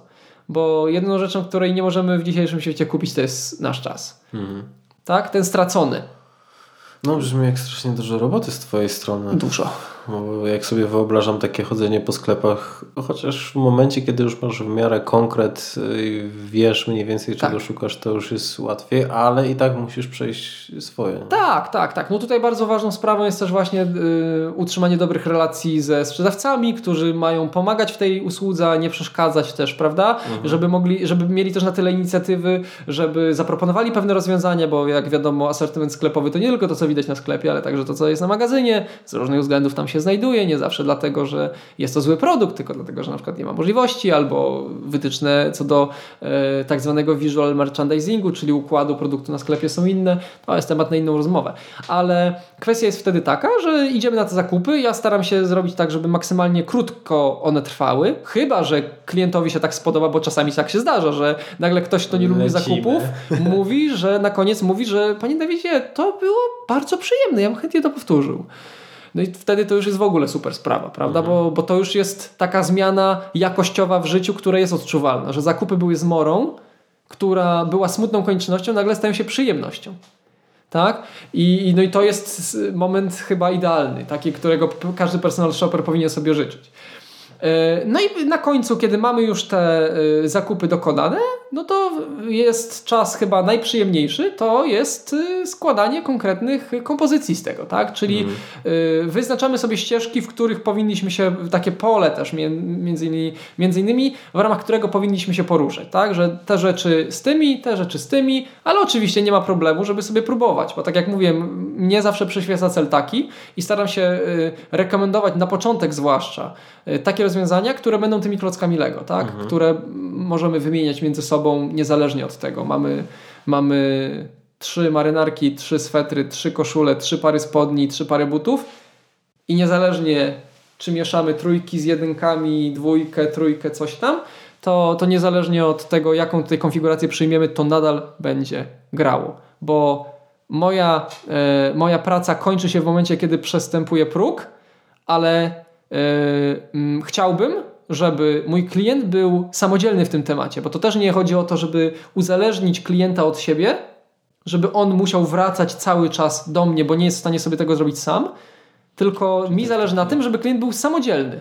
Bo jeżeli jesteśmy samodzielni, to też się automatycznie lepiej czujemy, tak? Mhm. Że zrobiliśmy to sami. To było wyzwanie, któremu podołaliśmy. I ja nie mam problemu z tym, że ten klient później nie skorzysta z moich usług, bo jeżeli będzie zadowolony, to prawdopodobnie będzie najlepszą wizytówką mojej działalności i robisz z nim potem takie spotkanie na zasadzie, czy mm, jakby sprawdzające, jak jeżeli, jeżeli jest taka wola, to oczywiście, tak, ale no bardzo często to po prostu widać, bo ja widzę, jak moi klienci Czy później... jak telefon milczy, to znaczy, że zrobiłeś robotę. Że zrobiłem robotę, tak, tak, ale ja widzę później, jak to wygląda na przykład na social mediach. No, w kontakcie jesteśmy oczywiście, tak, mhm. bardzo często. Raz miałem okazję, e, raz miałem okazję właśnie ubierać jednego klienta i, i później się okazało, że mam znajomą z jego otoczenia, które nie wiedziałem w ogóle mhm. o tym, że, że, że, że ona też właśnie ma, ma, ma z nim do czynienia i była taka sytuacja, że Yy, gdzieś tam spotkaliśmy się właśnie z tą koleżanką i ona mówi ty wiesz co, słuchaj, bo tak z, twojego poletka ostatnio się okazało, że jeden właśnie z tutaj z, z, z klientów, z którym miałem do czynienia, tak jakoś tak się zmie zmienił, w sensie tak jakoś lepiej to zaczęło to wyglądać. Ja tak się uśmiecham pod nosem i, i, i myślę sobie, no to niestety moja etyka zawodowa zobowiązuje mnie do tego, żeby ci nie powiedzieć o tym, ale jest jednak taka satysfakcja, tak? Kiedy mhm. ktoś, kto nie jest bezpośrednio powiązany, dostrzega te zmiany, tak? I ty masz w duszy satysfakcję, że to, to jest dobrze wykonana robota. Mhm. A powiedz mi, bo w momencie, kiedy jesteśmy we Wrocławiu, no to można się skontaktować z Tobą, a jeżeli ktoś chciałby szukać w innych obszarach Polski, to gdzie szukać takich e, ludzi, którzy mogą pomóc jako personal shopper? No najlepiej tutaj znowu kwestia jest y, kwestia wujka Google, tak? Hmm. Y, znaczy ja powiem tak, personal shopperzy są często mobilni. Ja też nie mam problemu z tym, żeby dojechać do miasta, co wiąże się z kwestiami zwrotu kosztu dojazdów też, prawda? I ewentualnego zakwaterowania, jeżeli akcja miałaby trwać trochę, trochę dłużej. Więc tu jeżeli komuś bardzo zależy, to nie ma problemu. Jeżeli miałbym kogoś polecić, mam jeden adres do polecenia w Krakowie jest to Zofia, yy, personalna stylistka, z którą miałem okazję też działać razem na YouTubie, bo Zosia prowadzi kanał także dotyczący mody męskiej i damskiej i jest też jednym z tych chlubnych przykładów, że jeżeli się chce robić yy, właśnie wykonywać zawód stylisty dobrze, to można w oparciu o właśnie znajomość zasad, znajomość tych wszystkich konwencji to, to, to robić dobrze. Problem z, ze stylistami w Polsce, nie tylko personal personalnymi stylistami, ale także stylistami mody jest głównie taki, że jest to branża, która nie posiada żadnej formalnej regulacji, to po pierwsze. Poza tym nie ma formalnych ścieżek rozwoju. Mhm. W sensie dzisiaj, żeby być stylistą, wystarczy nazwać się stylistą. I to niestety jest bardzo często widoczne w, w przypadku efektów właśnie pracy tego typu osób. I ja bardzo często też powtarzam to, że styliści nie dbają o to, żeby być dobrymi wizytówkami swojej pracy. E, w filmie, o którym mówiłem o największych grzechach polskich stylistów, właśnie wymieniałem to jako jeden z największych, tak? Że mhm. polscy styliści nie są, nie są dobrymi wizytówkami swojej pracy. Gdybym zapytał teraz Ciebie o pierwsze nazwisko, które przychodzi do głowy, jeśli chodzi o stylistów, to pewnie będzie jedno. Znaczy, ja oglądałem ten film, więc. Więc wiesz od razu o co chodzi. Wiem, Okej. Okay. No ale to myślę, że też większość słuchaczy się zgodzi, że prawdopodobnie przyjdzie tutaj e, nazwisko pana Tomasza Jacykowa. I teraz warto w tym miejscu zadać sobie pytanie, czy patrząc na pana Tomasza Jacykowa, ma, my mamy ochotę oddać się w jego ręce? I nie mówię teraz tutaj o ubiorze ekstrawaganckim y, gwiazd, tak, jakimś scenicznym, tylko o takim normalnym, codziennym ubiorze. Bo ja osobiście nie chciałbym się oddać w ręce pana Tomasza no Jacykowa przy całej sympatii dla niego jako osoby. Mhm. Tak? Jako, person, jako osobisty stylista nie przekonuje mnie on do tego, żeby powierzyć mu z siebie swój wizerunek i swoje pieniądze. I to jest poważny problem. I wiem, że tutaj można y, kontrargumentować, że stylista nie powinien być y, y, rozliczany za to, jak wygląda, tylko powinien być rozliczany za efekty swojej pracy. Mówię, okej. Okay. Tylko to w takim układzie, czy nie powinno się rozliczać budowlańca za, za to, jak postawił swój własny dom, czy za to, za lekarza, jak powiedzmy leczy członków swojej rodziny? No, nie, no chyba nie można tak tego rozdzielać, prawda?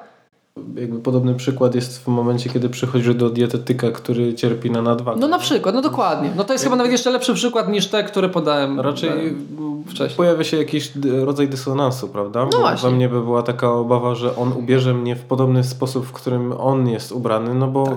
z jednej strony rozumiem, że profesjonalizm profesjonalizmem z twojej strony, że ty tak. potrafisz wykluczyć e, jakby to, jaki styl ty preferujesz na rzecz tej osoby, ale zawsze się pojawi jakiś rodzaj e, może nawet nieświadomego wkładania danej osoby w ten styl. Tak, jak najbardziej. Dlatego ja bardzo się cieszę, że e, te 6 lat temu wpadłem na taki pomysł, żeby spróbować na tej niwie blogowo-vlogowej już teraz coś podziałać, bo jest to świetne portfolio mhm. pokazujące mhm. możliwości, że nie zawsze marynarka, że czasami może być yy, Henley i lniane spodnie i okulary ciemne, które sprawiają, że nie jesteś prawnikiem, który co dopiero wysiadł z Porsche, a możesz wcielić się w rolę kogoś, kto kto jest trochę bardziej zajawiony na właśnie taki kreatywny lifestyle, tak? I to jest bardzo ciekawa sprawa. E, ja też zachęcam nie tylko do tego, żeby próbować bawić się tymi konwencjami, które są dostępne, ale właśnie zrozumieć te motywy stojące za nimi i mieć e, świadomość tego, że to wywiera konkretne efekty, ale daje też bardzo fajne możliwości zabawy. Jeżeli miałbym, jeżeli miałbym teraz jakby tak wyciągnąć jedno, ta, jedną taką kwestię, którą chciałbym, żeby nasi słuchacze wyciągnęli z tej całej dzisiejszej naszej rozmowy, to, to bym po prostu powiedział, że moda nie jest niczym innym, nie powinna chyba być niczym innym, jak tylko po prostu fajnym elementem życia, który sprawia nam radość, który e, jest ciekawy, który pomaga nam osiągać pewne cele, które sobie zakładamy. No i jak wstajemy rano i patrzymy na te szafy, to mówimy, ale fajnie coś dzisiaj będzie założyć, a nie mhm. mieć takie przekonanie, że Boże kochany, znowu będę musiał wybrać, co, co, co mam na siebie ubrać i w ogóle nie chce mi się tego robić i nie wiem. To załóżmy, że to trafiło i ta, ten słuchacz chce podjąć jakiś pierwszy krok, to co byś mu e, zaproponował w momencie, kiedy on nigdy nie zwracał, nie przywiązywał jakiejś większej wagi do tego, w jaki sposób e, się ubiera? Po pierwsze, poszukać dobrych inspiracji, mhm. w sensie poszukać. Czyli sprawdzić zarówno te dobre rzeczy, jak i złe rzeczy. Sprawdzić, co nam się podoba, co nam się nie podoba, tak? Yy, bo to nam daje od razu wskazówkę, w którą stronę powinniśmy pójść. Czy może bardziej elegancko, czy casual raczej, czy może jakiś militarny, czy streetwear, czy coś tego typu. Więc to jest pierwsza sprawa. Druga sprawa, poszukać Yy, skoro mamy już sprecyzowaną stylistykę, poszukać konkretnych rozwiązań, które nam się szczególnie podobają, tak? Czy joggery, czy jeansy może, czy, czy tego typu rzeczy. Sprawdzić, co w danej stylistyce jest takim must have'em, tak? No bo są te, są te rzeczy. W tym między innymi ta seria kapsułkowa garderoba nasza myślę całkiem, całkiem jest pomocna, tak? Mhm. Bo tam od razu nie dość, że widzimy te podstawy, to widzimy jak one grają w konkretnych y, przypadkach. Więc to jest bardzo dobra sprawa. Później y, poszukać akceptowalnych cenowo marek, które oferują tego typu rzeczy, przetestować te rozwiązania po zakupie na gruncie swojej garderoby, stwierdzić, czy one nam leżą, czy nie leżą, i wtedy już możemy inwestować w te rzeczy jakościowe, które będą nam służyły na lata. No i yy, jeżeli miałbym powiedzieć, co, yy, co jest ostatnim elementem tego łańcucha, to to, żeby nie zamykać się na inne konwencje. Czyli mhm. mieć na tyle otwartą głowę, że jak coś nam przestanie odpowiadać, to poszukać czegoś innego, tak? Ja bym nigdy nie powiedział, kiedyś pamiętam, byłem taki na gruncie tych klasycznych zasad męskiej elegancji wielkim przeciwnikiem łączenia brązu z czernią, bo na gruncie klasycznych zasad tego się nie robi. Mhm. Tak, jak zobaczyłem sobie, jak to w streetwearze potrafi bardzo fajnie grać, tak sam stwierdziłem, że może spróbuję tak trochę rzeczywiście nakłuć e, te, te, te ramy i sprawdzić, czy one się poddadzą. E, I zrobiłem kilka takich, takich wpisów na bloga łączących to i był bardzo fajny odzew. Bardzo fajny odzew i sam stwierdziłem, że rzeczywiście może warto byłoby nie być aż tak dogmatyczny w tym temacie. Mhm. Czym dla Ciebie jest charyzma?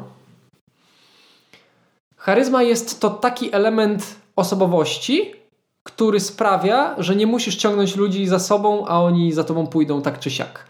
Więc jest to taki y, zbiór tych cech, które podskórnie motywują ludzi do tego, żeby, żeby, żeby za tobą pójść, żeby się zaangażować w idee, które przekazujesz, żeby e, pomóc ci w twojej działalności, kiedy ich, ich o to poprosisz, kiedy. Mm, kiedy właśnie masz zamiar zrobić coś takiego bardziej y, crowdsourcingowego, coś takiego angażującego społeczność. Y, no i coś takiego, czym jesteś w stanie też się dzielić. Mhm.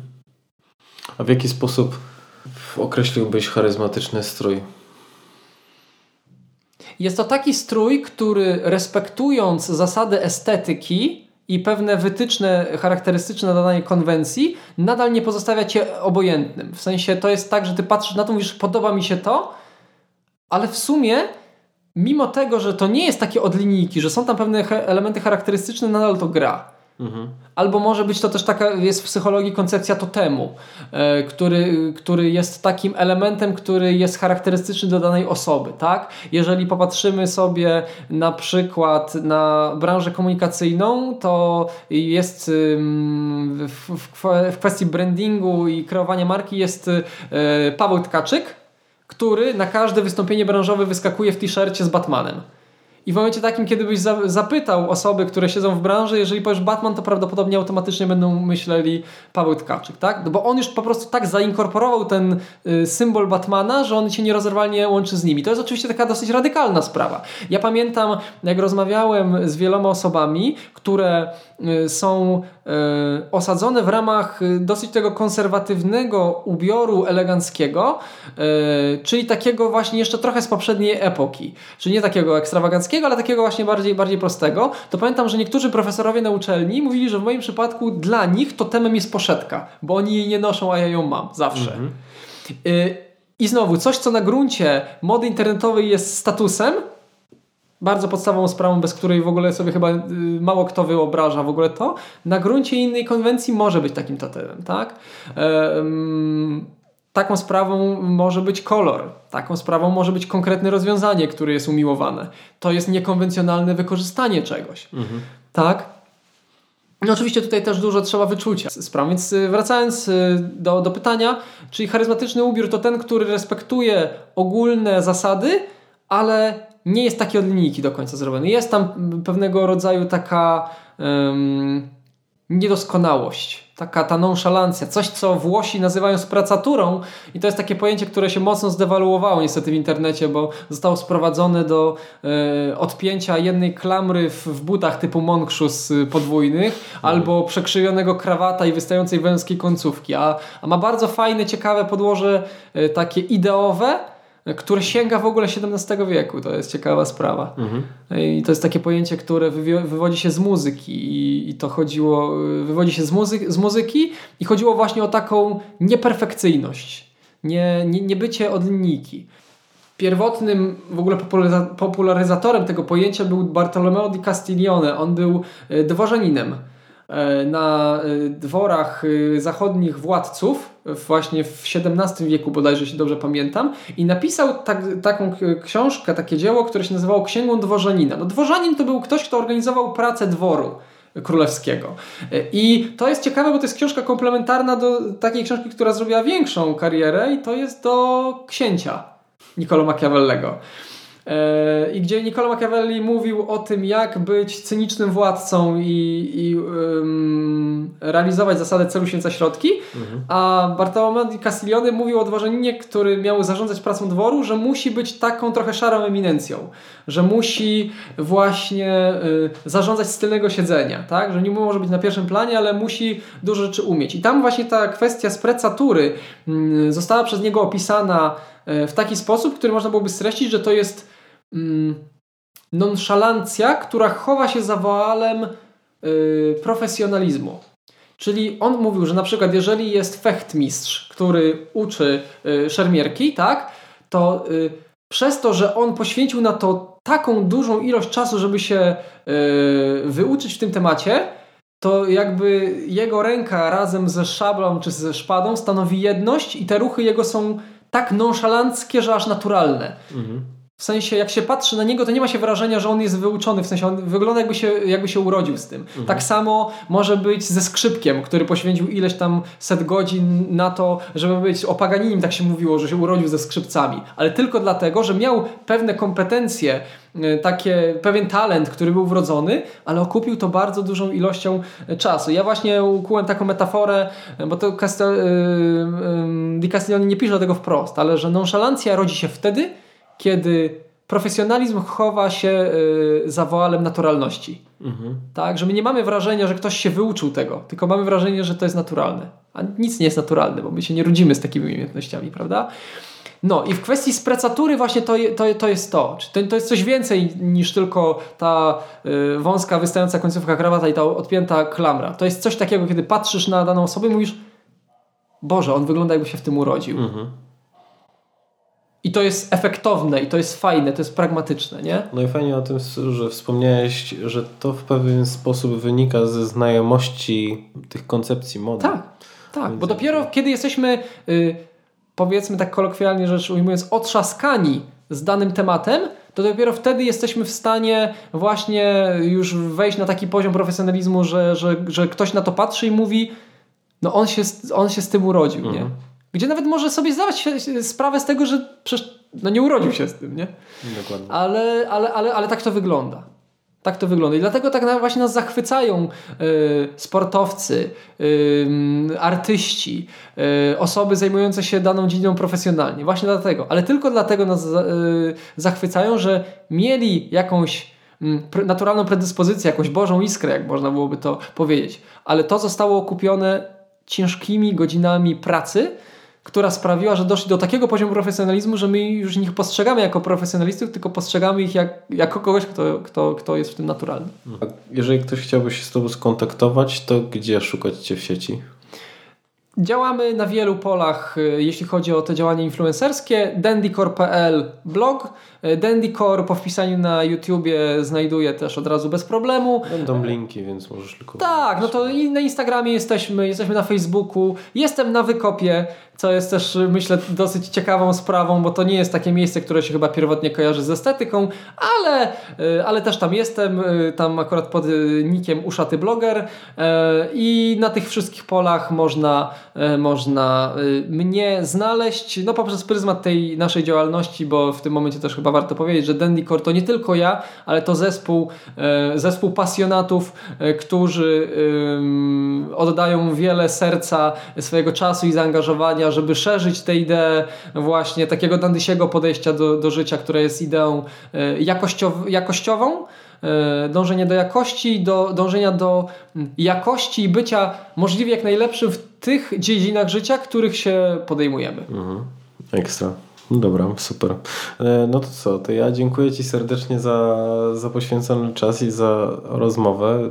Wiele wniosków dla mnie osobiście do przemyślenia, więc Dzięki wielkie. Dziękuję również, dziękuję serdecznie wszystkim słuchaczom za poświęcony czas i uwagę. Mam nadzieję, że także te rzeczy, które dzisiaj w naszej rozmowie padły, będą e, przydatne, tak praktycznie przydatne. Mhm. I, a może i staną się przyczynkiem do jakichś własnych poszukiwań, e, do których oczywiście na sam koniec bardzo serdecznie zachęcam. Dziękuję jeszcze raz i pozdrawiam. Dzięki. Ale zanim zabierzecie się do porządkowania swojej szafy i robienia listy zakupów, to zapraszam Was serdecznie do tego, żebyście podzielili się wszelkimi opiniami dotyczącymi podcastu. E, ja jestem otwarty na to, co Wam się podobało, co warto byłoby zmienić, kogo chcielibyście tutaj jeszcze posłuchać, albo przynajmniej jaki temat by Was interesował. No i szczególnie zachęcam do tego, żebyście śledzili mnie na, na social mediach, na LinkedIn, na Facebooku czy na Instagramie, bo tam będziecie z podcastem charyzmatycznym na bieżąco. I dziękuję bardzo za to, że, że poświęciliście kolejne dwie godziny na to, żeby, żeby wysłuchać podcastu. Do usłyszenia w następnym odcinku. Cześć.